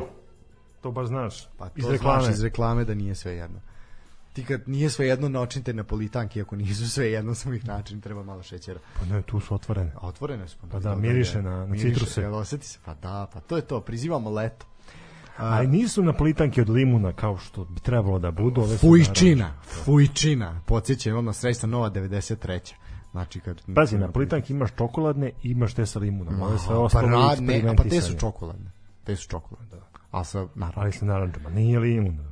A ne, pa mora malo nekad A neki to da te, da te, da te povuče. Pri- A šta da te povuče, Pa gde da te nostalgija, nostalgija. A koja nostalgija? Pa iz vojničkih dana. A odmah su ti gladno, razumeš? Ne može, bre, ovo je malo, znaš, da se, kao ima se para, znaš, em su čokoladne, a još si se naranđom, realno, to je najbolja kombinacija uz jabuku cimet i jagode jogurt i tako to je. Pa da, i uz med i jumbir. I, i orase.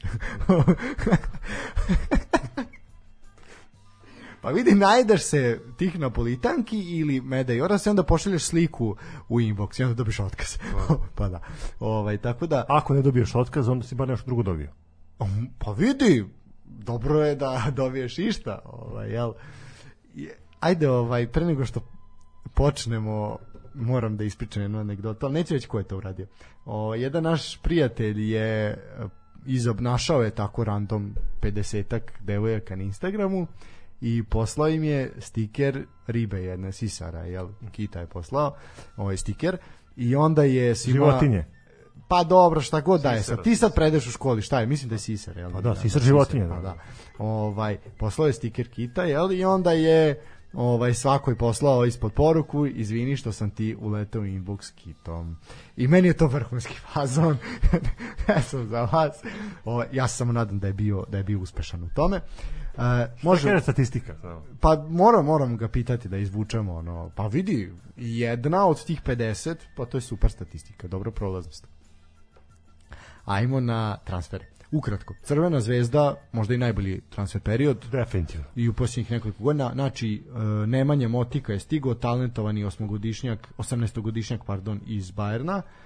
Uh, njegov ugovor po transfer marketu i sam transfer vredan 2,5 miliona, iako je njegova tržišna vrednost milion i 200. To je sad malo zanimljivo. Uh, ovaj je stigao Norvežanin Ohi Om, Omaj Ja sam prvo mislio da je Grk. Znaš kao... Ti si mislio da je- ja Pa mislim da je. Što znači da je Grk? Pa znaš da je Grci ono stalno ohi, ohi, ela, ela.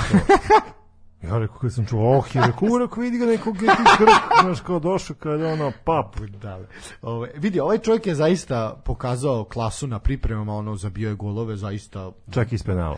da, da, pa to mu je najbitnije. E, to mi je bio hit, je- ono, u žurnalu. znaš. Da li žurnal ili informer, kao... Žurnal, žurnal, Pa.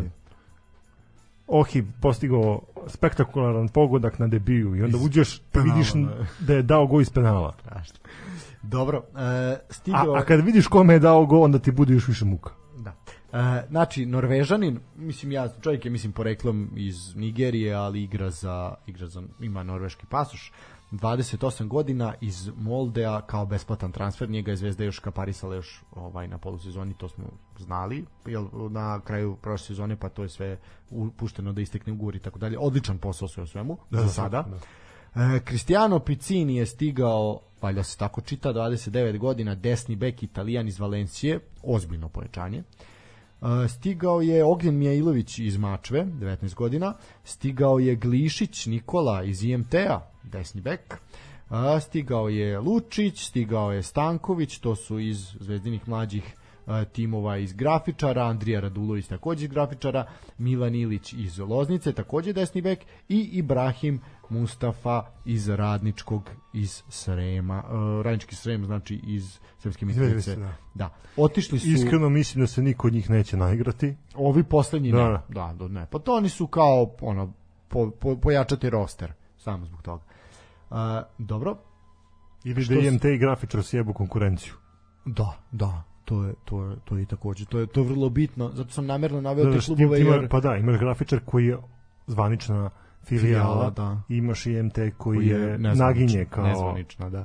E, otišli su Lazetić e, u Milan za 4 miliona, Njegoš Petrović u Granadu za milion i po, Degenek je otišao u, u Kolumbus, Glišić e, i Ilić su otišli na pozajmice. A, Bakayoko je otišao u Novi Pazar. Vukanović je o, o, m, jel, prekinuti ugovor, čovjek nema, nema klub trenutno. Ognjen Mijailović je odmah poslet isto u grafičar. E, Ibrahim Mustafa je poslat u Novi Pazar, iako je dogovor bio da nastavi u polusezonu u Kolubari i već ga je klub iz Lazarevca predstavio na svom Instagram profilu, znači već je ono bilo najavljen i odjedan put par sati kasnije opa vest ide ipak u Novi Pazar, tako da eto Zvezda Ko- koliko je težak život profesionalnog fudbalera. Zamisli, Da. sediš, čekaš, sediš u Beogradu, ne čekaš, držiš u kartu Vračaru piješ kafu Da. ili nešto. Bra. i stigne ti koverta sa putnim troškovima za Lazarevac. I ti kažu, kao de Lazarevac, onda ti kažu A, kao blizu. prigradska opština Beograda, kao pa ha, dobro, okej, kao za koliko se stiže, pa neki 20 minuta, ako nema gužve na autoputu. Dobro. I dobiješ kartu za Lazarevac i sediš na peronu i čekaš. To sad ti kao student znaš najbolje. Znači, sediš na peronu i čekaš. I samo jedan put stiže još jedna koverta, a unutra para mnogo, jer ti je put dalek i dug uh, u Novi Pazar. Ono, totalno. A dobro, makar, a dobro, pitanje je da li jede ćevape dole, da će se najesti ćevapa. Pa dobro, ako ništa, slatko. Pa dobro, Može. da. komplet lepinju nek proba, definitivno na putu do pazara, to svakako preporučujem. A Ja, vidi, ali pazi, a sad je on prošao ovim autoputem novim što je produ, ovo što je otvoreno ova deonica. Pa druže, pa može li život biti ugodniji i lepši nego ovde? Svakako mislim da, da je odlazak u Novi Pazar možda čak i, i korak napred, zato što je pitanje koliko bi Za koga tačno? Pa za njega, za, za Mustafu. dobro, da, za Mustafu. Jer kad pogledamo kakav roster ima Kolubara, kad je u pitanju ta defanzivna linija, onda je možda bolji u pazaru. Mislim, treba će više u pazaru. Treba će definitivno. E sad, što se tiče uh, prvoplasiranog trenutno na tabeli, aj samo ću reći da je Zvezda ostvarila pozitivan uh, pozitivan finansijsku situaciju jel s zaradom od 3 miliona na ovo što su platili, ovo što su prodali. u Na kraju će su- da prijave da su u minusu. Pa svaki, Koji svaki pa, godine. Pa koji svaki godine. Ovaj, što se tiče Partizana, došao je Marko Jeftović iz Alalhija kao slobodan igrač, došao je Uroš Knežević iz Železničara iz Pančeva, znači on se vratio sa pozemice, Ljubomir Fejsa je došao, bio je bez kluba čovjek i Lazar Slavković se takođe golman mladi koji se vratio iz Zemuna sa pozemice. Uh, nula Ja- potrošenih dinara, Tako je, Slavko će biti prosleđen verovatno negde drugde na, apsolutno. na kaljenje, isto kao i Knežević. i Knežević. E, Partizan je eto uspeo da dovede svega dva igrača, barem za sada. Oba povratnika u svoje redove, vidjet ćemo kako će da, to da, da izgleda. Prošlo Da, da, smo ima ovih, ovih mlađih što su prekomandovani u prvi tim, to ćemo isto vidjeti. Da, li Ali znaš kako, ja gledam opet to je samo za potrebe priprema. Partizan ima taj trend da godišnje izbaci dva, tri igrača iz neke svoje omladinske škole i to je to, opet je pitanje koliko oni mogu da dobiju minutažu, ovde mislim i na, na Terzića, mislim na a, Milovanovića, mislim čak i na i na malog a, Baždara i to su otprilike ta tri igrača koja mogu nešto da urade kada su u pitanju ti mladi igrači uh, kad je Partizan u pitanju. Uh, mislim da je pre neki dan neko davao izjavu upravo o tome kako Zvezda se trudi da iskopira taj model Partizana, ali da jednostavno zbog potrebe i zbog prevelikog pritiska ona to ne može da, da, da uradi. Čak je problem da se istrpi taj jedan igrač u rotaciji Crvene zvezde. Dobro, što se tiče odlazaka u Partizanu, Bajbek je otišao u Palma Flor, gde god to bilo, Zvanično je otišao. zvanično je otišao. Mateja Đorđević je otišao u Voždovac, mladi uh, štoper. Šćekić je otišao u Zagrebje, to je strašno, to smo već komentarisali. Uh, Nikola Štulić je otišao u radnički iz Niša, što bi rekli, 0 dinara dato, 0 dinara zarađeno. A, što se tiče Čukaričkog, ovo ćemo sad preleteti ostale, znači došao je Zuvić kao desno krilo iz Žarkova, došao je Đorđević kao zadnji vezni železničar iz Pančeva i Almir Agan Spahić, čiji transfer još uvijek zvanično nije potvrđen, ali je vrlo blizu. Đorđe Jovanović je otišao za milion i 900, odličan, odličan posao Čukaričkog. Aleksandar Đorđević je otišao u železničar iz Pančeva, Mate Zuvić je otišao e, zapravo ovde je šta se desilo Đorđević je istekla mu je pozajmica pa je opet opet vraćen tamo Zuvić je vraćen isto u uh, železničar iz Pančeva došao bio je Žarkova Bajić je uh, doveden zapravo Bajić je otišao u Osijek Uh, imamo jednog igrača koji je otišao u Rijeku, to ćemo kasnije isto prokomentarisati. Što se tiče Vojvodine, Vojvodina je poprilično aktivna na ovom prela- prelaznom roku. Došao je Radić, došao je Vukčević, a, mladi Vukčević došao iz Zete, Milan Lazarević došao iz e, Litvanije, Bojan Matić, povratnik, a, Nikola Mirić, takođe poznato ime i nastupa za kabel, Emil Rockov, takođe povratnik, Luka Kljajić, levi bek, takođe iz kabela i Milan Vidakov iz mladosti se vratio. E, odlazak Pritom mislim da da Vidakov i dalje u sastavu mladosti. Vraćen je da, na, još jednu, na još jednu pozajmicu. Luka Cucin je otišao u borac iz Banja Luke, Nemanja Toroman je otišao u Bačku i Luka Kljajić je prosleđen uh, u Nemačku kao pozajmica uh, Vidako je vraćen, kao što smo rekli, u GAT. Što se tiče Topole, Martin Mečevski, najbolji strelac Makedonske lige iz Akademije Pandev, Bubakari Dukure iz Šamblija, sad ako se to tako čita iz Francuske, za ne zna se, ne zna se, njegova vrednost je 350.000, ali se ne zna za koliko, koliko je plaćen. Petar Škuletić došao kao slobodan igrač i Strahinja Čarapić je došao iz Žarkova. Rastko Marsenić je otišao, Uh, Stefan Santrač je otišao u Trebinje, Đuro Zeć je otišao u Hanoi, kao što smo već pričali, Slobodan Rajković je otišao MTK Budimpeštu i Mar Marko Petković u Honved. Uh, Vuk Mitošević se vratio u Surdulicu, Ignjatović se takođe vratio, Boško Duronjić, Petar Istis, Darko Bjedov, to su sve poznate imena, Siniša Babić, Marko Stojković, Bogdan Stojković, Bogdan Stamenković je napustio, otišao u Kavalu, Uroš Vesić, Luka Malešević i Milovan Petrovik su takođe otišli. Sava Petrov, po još jedan povratnik u uh, srpski futbal, Radomir Nosaljević i Marko Stanić, Aleksandar Katanić i uh, Veljko Kijevčanin su napustili mladost iz Lučana. Što se tiče proletera, proleter je zvanično titula najaktivnijeg kluba u prelaznom roku. David Donđerski, Marko Jovanović, svima poznat, Veljko Ilić, Kadir Pepić, Luka Liješević, Andrija Kluđerović, Matija Gluščević, Andrija Andrejević i tako dalje i tako dalje. Dosta mladih igrača takođe ima. Puno je ekipa i napustilo, a svakako će ih najviše boleti odlazak Dilana Ortiza i Evandra. Staniša Mandić, Zlatni Orlić je došao u Metalac, Jovan Čađenović, to su ovaj prestiž se vratio Metalac, eto, Kubur je Metalaca napadačima. To je isto zanimljivo pojačanje. Što se tiče Spartaka i Subotice, uglavnom su se bazirali na mladim igračima, sem Milana Jelovca koji je sa 28 godina kao golman najstariji igrač koji je došao u Suboticu. Uh, ovo ostalo sve manje više, eto možemo reći Aksel Bakajoko, Mustafa Mujezinović, uh, Milan Jokić, Luka Kukić, to je Jasmin Trnovac, to su sve igrači i Mustafa koji su pojačali Novi pazar. Novi Pazar i prokomentarisat ćemo još radnički iz Kragujevca kao zbog uh, Lalatovića, jel? Uh, Vojo Ubiparip, svima poznat, bivši igrač Spartaka, Ljubiša Pecilj, Marko Gajić, takođe poznat, Miloš Milosavljević, Marko Janković, Nikola Kvačić, Nikola Andrić, takođe jedan od zlatnih otlića, Petar Vojnović i Filip Milikić i tako dalje i tako dalje. Otprilike to su oni koji su prijavili svoje transfere, a nama ostaje da pretrčimo kratko uh, parove, znači 22. kolo će biti na meniju 12.2. od 13 časova, radnički iz Kragujevca, a ko drugi nego Lalatović dočekuje svoj bivši klub Proleter, znači Kadači i ovo zaista spektakl koji će otvoriti otvoriti ovaj ovu drugu polusezonu. Hoćemo da tipujemo? Naravno da ćemo tipovati. Piši, piši Tanja, piši. Imaš olovčicu, imaš... Ovaj, Imaš i 100 evra, samo možda uplatiš. Sad, to je to, vidi, sad nas slušaš sve šta ti kažemo i dobijaš sigurno.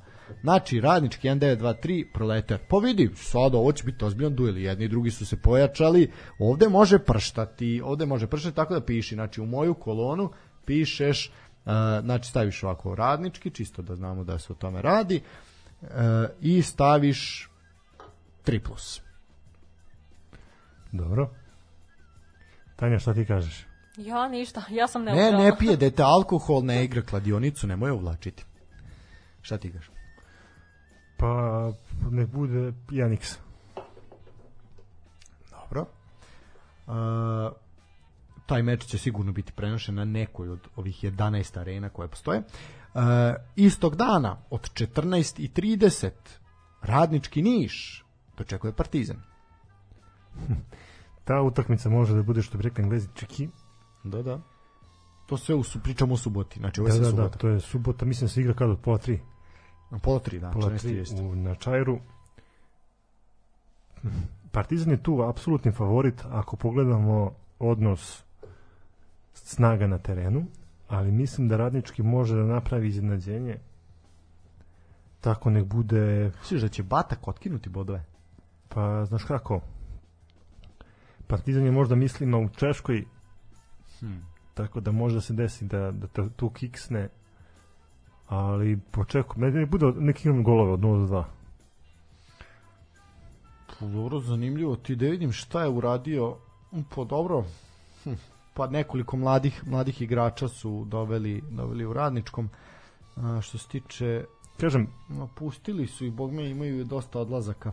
Mm, I po sastavu Partizan je definitivno favorit. Da, eto vidiš Damir Kahriman na primjer je napustio radnički otišao Da, u Javor, to je onako isto biće bolno za ekipu iz Niša, pa ja bih tipovao na pobedu Partizana. Znači, staviš, bro, staviš dvojku, samo dva napiši. Uh, ajmo dalje. Uh, istog dana, u subotu, od 17 časova, Crvena zvezda, Čukarički, Saša Ilis na Marakanu se vraća da pokuša da ponovo zagorča život Crvenoj zvezdi i navijačima. Ja mislim da će to biti čist fiks na Crvenu zvezdu bez razmišljanja. Dobro, znači pišeš 1 kod Stefana, a meni staviš 3+. Plus. A, mladost TSC u nedelju od 13 časova u Lučanima. E, to može da bude ovaj Može da se ovo saplete, da, TSC? da. TSC je favorit, ali opet gostovanje Mora, moraju početi da uzimaju bodove ako žele Evropu, tako da meni piši 2. ja ću 1x. Voli da mi kontrira. Dobro, od 15 časova u nedelju Metalac Novi Pazar. E, ovo pršti, ovo je borba za opstanak. I ja mislim da će ovde Ajde da damo Novom Pazaru šansu X2. Kec. Dobro, jedinicu kaže Stefan. Od 17 časova Kolubara Voždovac. E, ovo isto može biti zanimljivo. Znači, Zmajevi putuju u Lazarevac. pa ja ću reći ovde da je ovo realno. Da vidimo šta je Voždovac uradio. Naši drugari iz Voždovca šta su uradili u prelaznom roku. Imamo li gde? Proleter, Lučani, Surdulica, Topola, Čukarički, naravno Voždovac, pokta. A, pa ja verujem da ovde Voždovac može i mora do bodova. Tako da, evo Voždovac ko je otišao, otišao je Aleksandar Stanisaljević, otišao je Miloš Stojčev, to može biti problem. Milo je Preković je takođe otišao. Vidimo ko je došao. Dobro, piši meni X2. Voždovac znači X2. ne stiže Tanja da upiš. Zaboravila sam klub. A Voždovac, piši taj Voždovac, da. Šta da pišem? I X2, tako napišeš. Uh, A kod Stefana? Stefane, Pa ja ću da gola od 2 do 3. znači 2 crtica 3.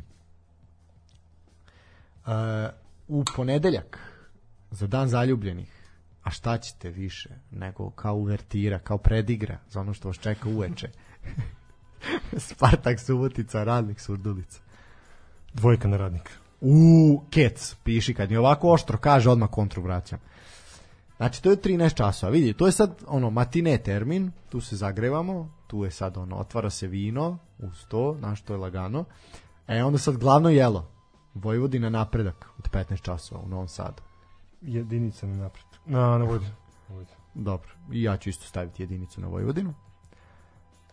i tu sad, kad se zakuvalo, znači ručali ste, popili ste čašu vina i onda od 19 časova nešto od čega će prostrujati krv u vašim venama, a i poprilično će vlažnost vazduha postati visoka, a to je još jedna epizoda sportskog pozdrava. When you are lonesome, solitary, you know I'm never far away.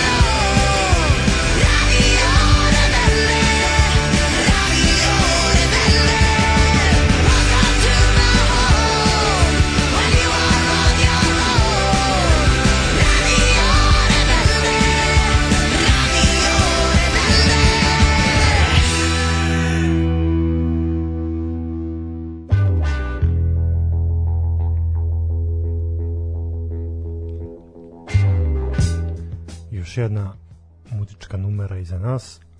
Načeli smo napolitanke. Osjeća se taj miris. Sad i ukus. taj baršunasti glasići posle čokolade u ustima. Prelepo. E, Tanja, podijum je samo tvoj. Hvala, hvala. Pošto se odbojka verovatno dugo nije čula na ovom podcastu, s obzirom da se ovo dvoje bave samo futbalom, A nije, nemoj Dobro, tako. nije baš Čekaj, samo ako... To, ček, to sad ti pokazuješ da ti zapravo nisi slušala šta smo mi radili mesec dana dok tebe nije bilo, je tako? da. Da. A pričali smo o svemu samo ne o futbolu. I rukometa je bilo, Pa i vaterpola. što niste imali... I futsala, svemu, svega smo pričali. Spomenuli smo i odbojku, nije istina. A nije ženska odbojka koju spominjemo sad zbog nečeg drugog. Nego, znači, zaista nije, znači, odeš na godišnji, ti si se totalno isključila. Pa moram Pa malo dobro, nekad. napunila si baterije, sad izvoli, sad neću te prekidati. Dobro, ja se izvinjavam što sam vas uvredila. Pa ne može tako, ne može klevati. E, Ovo je bilo 15. kolo Pošto 14. nije do kraja odigrano, ali od sledeće nedelje će se te utakmice koje nisu odigrane će se odigrati. E, Prva utakmica je bila između Spartaka i Subotice i Crvene zvezde i u toj utakmici je Spartak e, pobedio Crvenu zvezdu sa maksimalnih 3-0 u setovima. U drugoj utakmici Partizan je pobedio Niš takođe sa maksimalnih 3-0. U trećoj utakmici je Vojvodina nažalost izgubila od mladog radnika 3-1. Što kažeš, nažalost? Pa zato što mi je Vojvodina pored e, Kraljevačke ribnice favorit, Dobro. a opet e, uspeli su da pobede Zenit u Ligi šampiona i onda mi je nekako šteta što u domaćem šampionatu nisu zabeležili pobedu, baš bi onako to bilo lepo. E, samo ću te zaustaviti na trenutak na tu utakmicu sa Zenitom bih se osvrnuo za kratko. A, kaži mi, aj sad, ok, mislim ti i ja smo svesni koliki je to podvig pobediti Zenit Da. u Rusiji sa 10 igrača, mislim onako skromno se otišlo zaista, napravljeno je pr- pritom 3-0 ih odvalili. Aj, mislim da pokušamo to, mnogi ljudi ne shvataju, ta vest se provukla onako, znaš, ono, sa strane, nije po kuloarima, nije to bilo, znaš, a treba da bude svaka im čast, zaista. Znači, to bi bilo kao kad bi sad nas troje, ono, dobili na, dobili ono Oscara popularnosti otprilike, jel tako nešto, ili ono bili na RTS-u, tako nešto bi to bilo. To, to je srazmera ono koliko u odnosu na Vojvodinu i na, na Zenit, tako, prilike. Da. Nastavi, izvini sa što sam to prekinuo. Možda se navići na to. Pa dobro da nekako kao da ljudi to ne vrednuju toliko, kao da nije bitno. Pa ne, jako je to, znaš šta vest se pojavila, znaš koliki je tekst bio u dnevniku? Znači 5 cm, to je to. Pa. Znači, znači, a, a recimo dnevnik je list koji se bavi Novim Sadom i Vojvodinom, Da. znači lokalni, jel? Tako da eto, strašno, ali šta sad? E, Onda Metalac i Spartak iz Liga. Metalac je pobedio 3-1 Spartak i poslednja i najzanimljivija meni definitivno utakmica između Ribnice i Radničkog iz Kragujevca gde je Ribnica pobedila 3-1. I kao što sam rekla, u prvoj utakmici Crvena zvezda je eto neočekivano da kažem sa jedne strane izgubila s obzirom da je prvoplasirani tim i u Suboticu je otputovala kao prvoplasirana i kao naravno favorit i bez obzira što je izgubila i dalje je zadržala prvu poziciju iako još ima i jednu utakmicu manje odigranu od eh, nekoliko ekipa koje su odigrale sve i domaći odbojkaši su pobedili crveno-beli tim sa maksimalnih 3-0 u setovima, odnosno 25-22, 25-20 i takođe 25-22 kao i u prvom setu. I ekipa Spartaka je u ovu utakmicu ušla sa mnogo više energije i sa mnogo većom željom za pobjedom, što su takođe i igrači Crvene zvezde nakon utakmice i izjavili u intervjuu i definitivno nije bio njihov dan, odnosno to što su oni pokazali na terenu nije ličilo na njih sa jedne strane, a opet e, imali su i problema, odnosno sa igračima, jer većina um, klubova u Superligi ima takođe taj problem sa koronavirusom, takođe su mnogi igrači jel, bili upravo pod tim virusom i onda se nisu ni oporavili u potpunosti, tako da je to takođe uticalo na igru i svakako da je najzaslužniji za pobedu Sub- Subotičana, najzaslužniji su bili Muso Kone koji je imao 20 poena i Nikola Pavlović sa duplo manje, odnosno 10.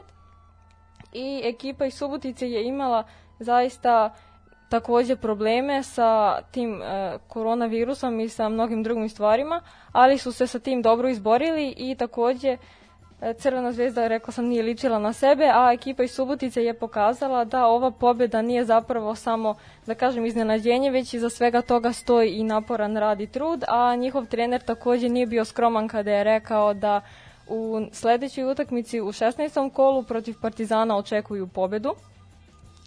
Sledeća utakmica jeste bila između Niša i između Partizana gde je Partizan sa maksimalnih 3-0 pobedio i naravno tu nema mnogo toga da se kaže s obzirom na to da je Niš ekipa koja je poslednja na tabeli i najslabija je. Ima samo jednu pobedu, da. Da, tako da očekivano opet sa jedne strane. Kao što sam rekla, eto iznenađujuće da je Vojvodina uspela da izgubi, ali opet sa druge strane možda je to i neki umor i sve to što je da kažem neka posledica od te utakmice u Ligi šampiona, ali eto izgubili su 3-1 i Vojvodina je konačno nastupila i u tom punom sastavu s obzirom da u Ligi šampiona nisu imali pun sastav, ali nije imao ni Zenit i Njima je bila sada neophodna pobeda da bi se što više približili Crvenoj zvezdi, ali to nisu nažalost uspeli. I u prvom setu Vojvodina je igrala dosta dobro i uzeli su taj prvi set, ali to je bilo sve što su uspeli da urade na toj utakmici. I moja, da kažem, utakmica koja je meni bila najzanimljivija jeste upravo ta između Kraljevačke ribnice i između Radničkog iz Kragujevca koja se završila rezultatom 3-1 u setovima. I svi elementi su u ovoj utakmici definitivno bili na strani Kraljevačke ribnice i trenutno se ribnica nalazi na drugoj poziciji sa samo dva boda za ostatka za Crvenom zvezdom, ali takođe da uzmemo u obzir to da Crvena zvezda još ima jednu utakmicu da odigra. I ovo je takođe bio pravi šumadijski derbi i obe ekipe su imale priliku da produže svoj niz rezultata sa e, to jest sa e, to jest to je bio četvrti zapravo niz četiri niza pobede zaredom su imale obe ekipe, a Ribnica je ovog puta tu zaustavila i radnički i nastavila je ona sa svojim nizom pobjeda. I Radnički je poslednji put inače pobedio Ribnicu u sezoni 2019-2020 sa istim ovim rezultatom kao što je sada Ribnica pobedila njih. I e, Kraljevčani su e, nastupili sa izmenjenim sastavom. E, to je sve malo drugačije funkcionisalo. Vlada Petković čuveni nastupio je kao tehničar, dok je Aleksandar e, Safanov, odnosno ruski reprezentativac, ovog puta bio u ulozi korektora i bio je takođe i najefikasniji igrač na ovoj utakmici sa 24 poena. I prvi set se završio rezultatom 25-16 za ekipu iz Kraljeva sa čak 60% realizacije napada, što je zaista zaista dobro i na neki način su gosti izgledali kao da nemaju neku veliku volju za igrom i Ribnica je zaista prvi set odradila perfektno i to je zaista izgledalo jako lepo, dok je drugi set počeo malo drugačije, mnogo dinamičnije i definitivno je bio najzanimljiviji i završio se rezultatom 30 naprema 28 za goste i tačku na taj set je stavio Lazar Koprivica sa as servisom i publike u tom setu bila toliko na nogama i toliko su bili oduševljeni, a i bilo je zaista jako lepih poena i sve vreme je rezultat bio tu negde. Čak je u jednom momentu, na primer, Ribnica vodila 10-6 i onda su gosti uspeli da izjednače. U jednom momentu je bilo čak 16-16, pa je onda Ribnica opet uspela da povede, pa ih je opet, e, pa su ih gosti opet stigli i bilo je 22-22 i onda se ovaj set i odužio i prešli su više od 25 poena. Tako da to je to što se tiče ove utakmice i stanje na tabeli je trenutno sledeće. Na prvom mestu je i dalje Crvena zvezda sa 32 boda, a Ribnica je sa dva boda manje na drugom mestu, ali i sa utakmicom više. Vojvodina se takođe nalazi sa istim brojem bodova kao Ribnica na trećem mestu, Partizan sa 29 bodova iza, Radnički ima 25 bodova, Spartak i Subotice takođe, Mladi radnik ima 18, Metalac Takovo 15, Spartak iz Liga 11 i Niš je i dalje poslednji sa 4 boda. A kada govorimo sa ženama, dobro, to neće baš toliko da se oduži, pošto nije baš bilo toliko zanimljivo. U prvoj utakmici Tent iz Obrenovca i Jedinstvo iz Stare Pazove. Jedinstvo je pobedilo Tent rezultatom 3-1.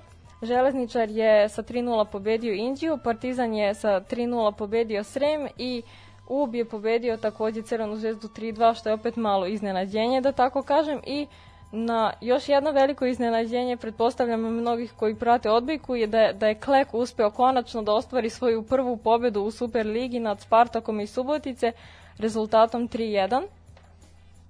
E, Partizan je uspeo da pobedi Srem, to je takođe bila jedna interesantna utakmica i rezultat jeste bio 3-0. U prvom setu je ekipa iz Mitrovice povela i e, zaista je odavala dobar utisak, dobro su krenuli, dobro su ušli u tu utakmicu, ali nažalost to je samo tako bilo u početku. Bilo je nekoliko zaista lepih i dugih poena, ali i dosta servis grešaka sa obe strane što se često dešava. Tokom prvog seta je Srem e, pokazao zaista dobru igru i ekipa je imala jako dobre napade. I takođe u samom početku drugog seta se već moglo jasno vidjeti da će pobeda oti, kome će pobeda definitivno da ode u ruke i Partizan je poveo u drugom setu sa 5-0 tako da je ta prednost nakon toga sve vreme bila otprilike 5-6 poena pa naviše. E, nisu ekipe iz Srema uspjele da se nešto znatno približe. Prvi set se završio rezultatom 26-24 što je nekako bilo i e, naj e, onako neizvesnije s obzirom na to da se Srem zaista potrudio u tom prvom setu, ali samo u prvom i ništa više, pošto su sle- se sledeća dva završila rezultatom 25-12 i 25-13 i videlo se da su igračice iz Srema jednostavno izgubile tu volju i da to više nije bilo to. I Nada Mitrović takođe igračica u redovima crno-belih koja je i u prethodnom delu sezone pokazala jako dobru igru i koja je bila najefikasnija za svoj tim i donela im je najviše poena. I još samo da prokomentarišemo upravo ovu utakmicu sa Klekom, pošto su konačno devojke iz Kleka uspjele da pobede. E, zabeležila su svoju prvu pobedu u Superligi i e, Spartak iz Subotice je poražen rezultatom 3-1, međutim, ko je, ko je imao priliku da odgleda tu utakmicu nakon prvog seta u kojem su Klečanke poražene i to žestoko, verovatno ne bi rekao da će doći do takvog preokreta. Meč je bio u početku dosta neizvesan do rezultata 8-8, a nakon toga se a, jednostavno ekipa definitivno e, odlepila skroz od, od e, igračice iz Kleka i pobegle su i set se završio sa više od 10 razlike e, i Klek taj prvi set gubi i to je zaista, da kažem, sa jedne strane bilo dosta i očajno, ali od drugog seta pa nadalje su se devojke tako probudile i pokazale su takvu igru da je to jednostavno neverovatno i šteta je prava bila što od početka sezone nisu tako igrale. Obe ekipe su imale nekoliko as servisa i to je zaista izgledalo lepo i ova utakmica je bila zaista pravi derbi začelja, odnosno s obzirom na to da su obe, obe ekipe e, poslednje i pretposlednje na tabeli i Klek je i dalje na poslednjoj e, poziciji bez obzira na to što su uspjele sada da zabeleže poraz i da se popnu sada na već četiri boda koliko imaju, ali i dalje su u i dalje su osam bodova i za drugoplasirane ekipe koje je upravo e, ova ekipa iz Subotice. I nakon e, ove poslednje utakmice stanje na tabeli kada govorimo o ženskoj odvojici je sledeće. Železničar je prvi sa 38 bodova, ali i sa jednom utakmicom više odigranom od jedinstva koje se sa 37 bodova nalazi na drugom mestu. Crvena zvezda ima 34 boda i pala je na treće mesto, dok UB ima 29 bodova, Tente 25, Indija 14, Partizan 13, Srem takođe 13, Spartak 12 i Klek samo 4, ali eto, barem se tu nešto popravilo. Dobro, dobro, zanimljivo. Uh, Tanja, hvala ti na ovom iscrpnom izveštaju. Uh, dođi do vazduha, uzmi jednu napolitanku slobodno. Ovaj, da, vraćam te, izvolim. Ništa. Svaka čast, nema šta, vrlo iscrpno, puno inform, informativno, sve kako treba. Nije ni čudo što polažeš ispite. Sve to u redu. Uh, Znaš kako kad je taj segment vezan za odbojku, ja se samo isključim i slušam, ništa više. Nema šta, nema tu šta da komentarišemo, to da malo ja mogu treba malo usmeriti ili nešto pitati ako ima pitanja, ali sve bude toliko kristalno jasno da zaista nema ni potrebe nešto puno. E, pošto smo sad kod odbojke, uh, velika utakmica igra se u sredu između Vojvodine i Berlina, Mhm. pa me zanima, eto Tanja, da li ćeš ti biti na tribinama Spensa? Planiram naravno da bude. Utakmica kreće oko 18 Da, časova, u šest, ja mislim da. tako da pozivamo sve ljubitelje odbojke da isprate ovu utakmicu kogod može da ode, mislim da je i besplatan ulaz. Pa eto podržite klub iz našeg grada u evropskoj utakmici. Tako je Liga šampiona, ovaj velika utakmica, a sa druge strane nakon ove utakmice možete na kupanje na Spence pošto je bazen besplatan. mislim i da ne može Zašto? pa zato što je poslednja valjna smena negde oko 7 i nešto Pa dobro. sad ćemo da onda. proverimo i to Pa dobro, ako Vojvodina bude ekspresno izgubila u sat vremena, onda možete stići. pa ili ako pobeda, ajde da ekspresno, ajde da sad ne bude baš zabrzan, ali pa ne vidi, možete i pre onda, ne Evo, možda Tanja da nam kaže kakve su šanse Vojvodine u ovoj utakmici Nikakve. Nikakve.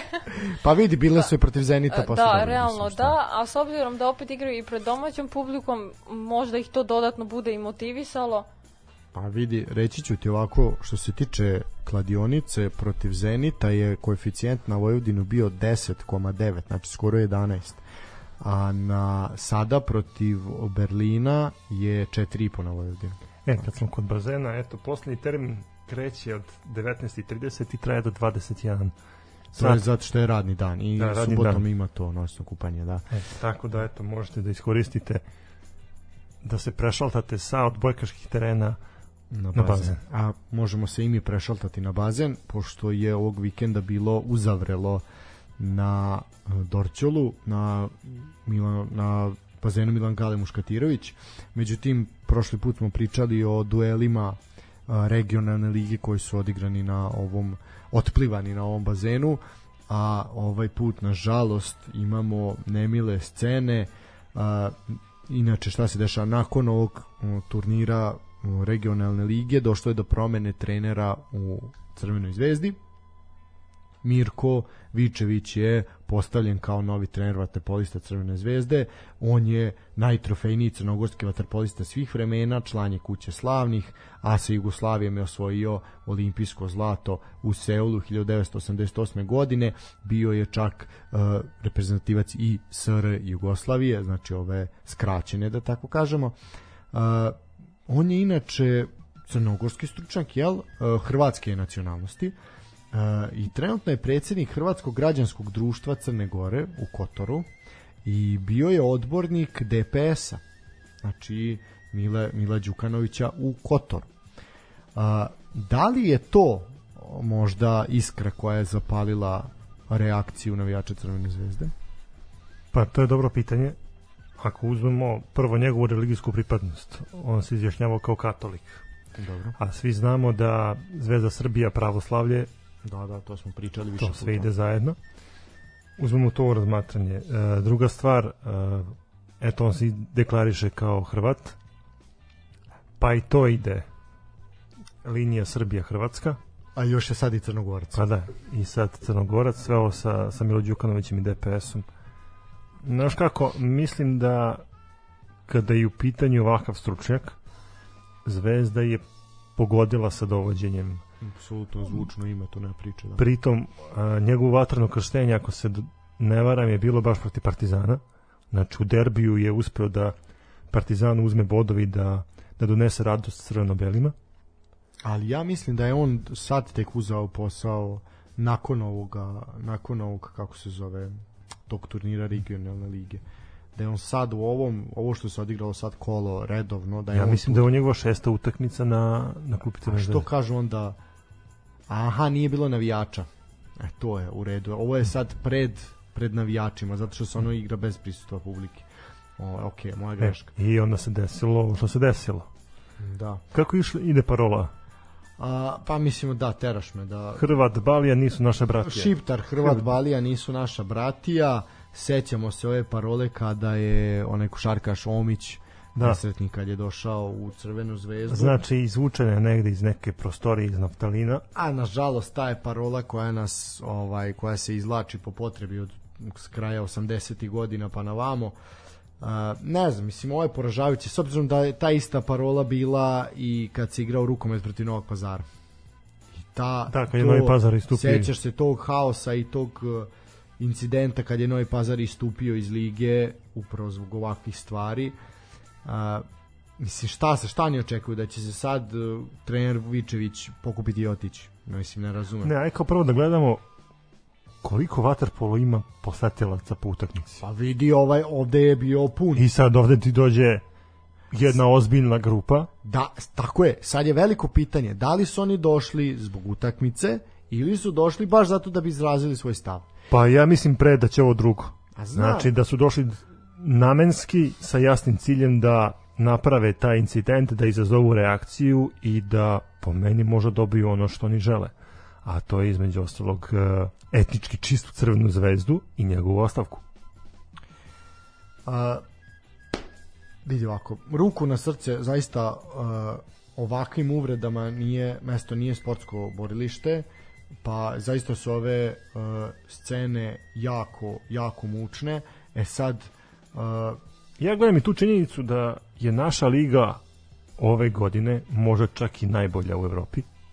ma definitivno, tu ne priča. I Mislim, samim tim- samim tim- priča. Privlači veliki broj ljudi sa područja bivše Jugoslavije Ali- gde se vaterpolo aktivno igra. Ali evo ja sad gledam, evo me na RSB-u, znači oni su došli organizovano da bi poželeli po znacima navoda dobrodošlicu treneru. Znači oni nisu došli da gledaju vaterpolo. Oni su došli da izraze svoju politički stav na tribini. To isto su uradili i ne samo politički, nego nacionalistički. To su i, da ne kažem još nešto grđe. Uh, to a šta isto ćemo, a šta ćemo sa Prosinečkim? Ja uvek se vratim na Prosinečkog.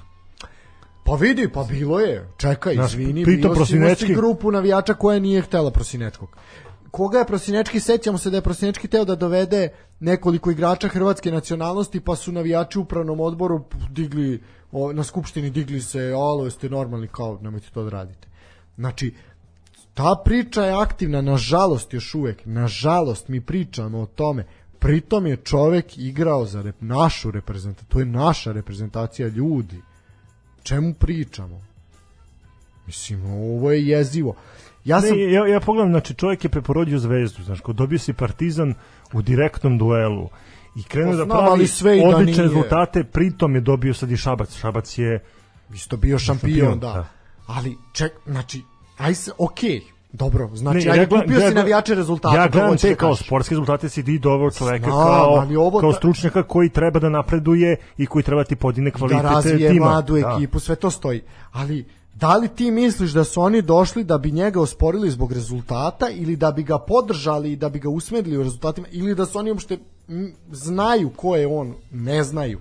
Znači oni su došli isključivo da izraze svoj nacionalistički stav.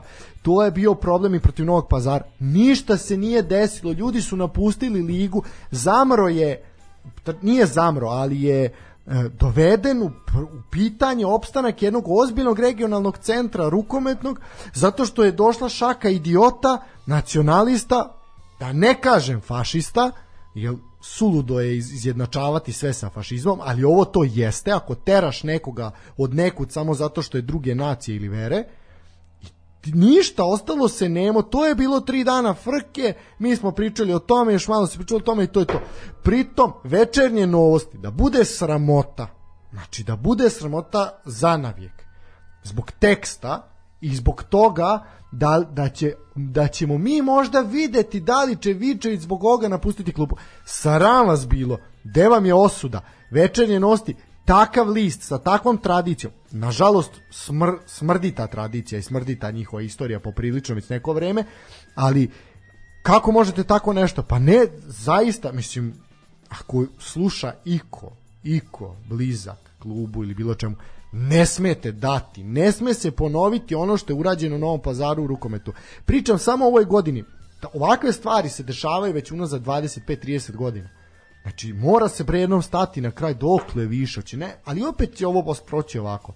Mislim, kao što si imao vređanje Evertona, kao što si imao ispade navijača rada o kojima smo pričali ne tako davno, imao si taj rukomet, imaš svašta, iz, iz, ide iz kola u kolo, iz godine u godinu i nigde ne prestaje. I opet će se po potrebi taj prašnjavi baner izvući kad bude trebalo. I opet će se skupiti da kamo sreće da je uliki broj ljudi došao da gleda tu utakmicu. Kamo sreće, to bi mnogo značilo i igračima jedne i druge ekipe Naravno. ali nažalost došli su zbog pogrešnih iz pogrešnih motiva. Mislim, ne znam šta da kažem, može samo čovjek da se iznervira. Jer, znaš, ono, dokle jebote više, ono, ajde, pritom, znaš kao, došli su, to je pretpostavka večernjih novosti, da su oni došli zato što je on poslanik DPS-a u Kotoru. Da jebote ste normalni. Znaš kako, ja gledam to svako nek izražava svoj politički stav tamo gde treba. Na, izborima. Da. Na terenu je on trener Crvene zvezde Ili u bazenu ili već ili Bozenu, sve jedno.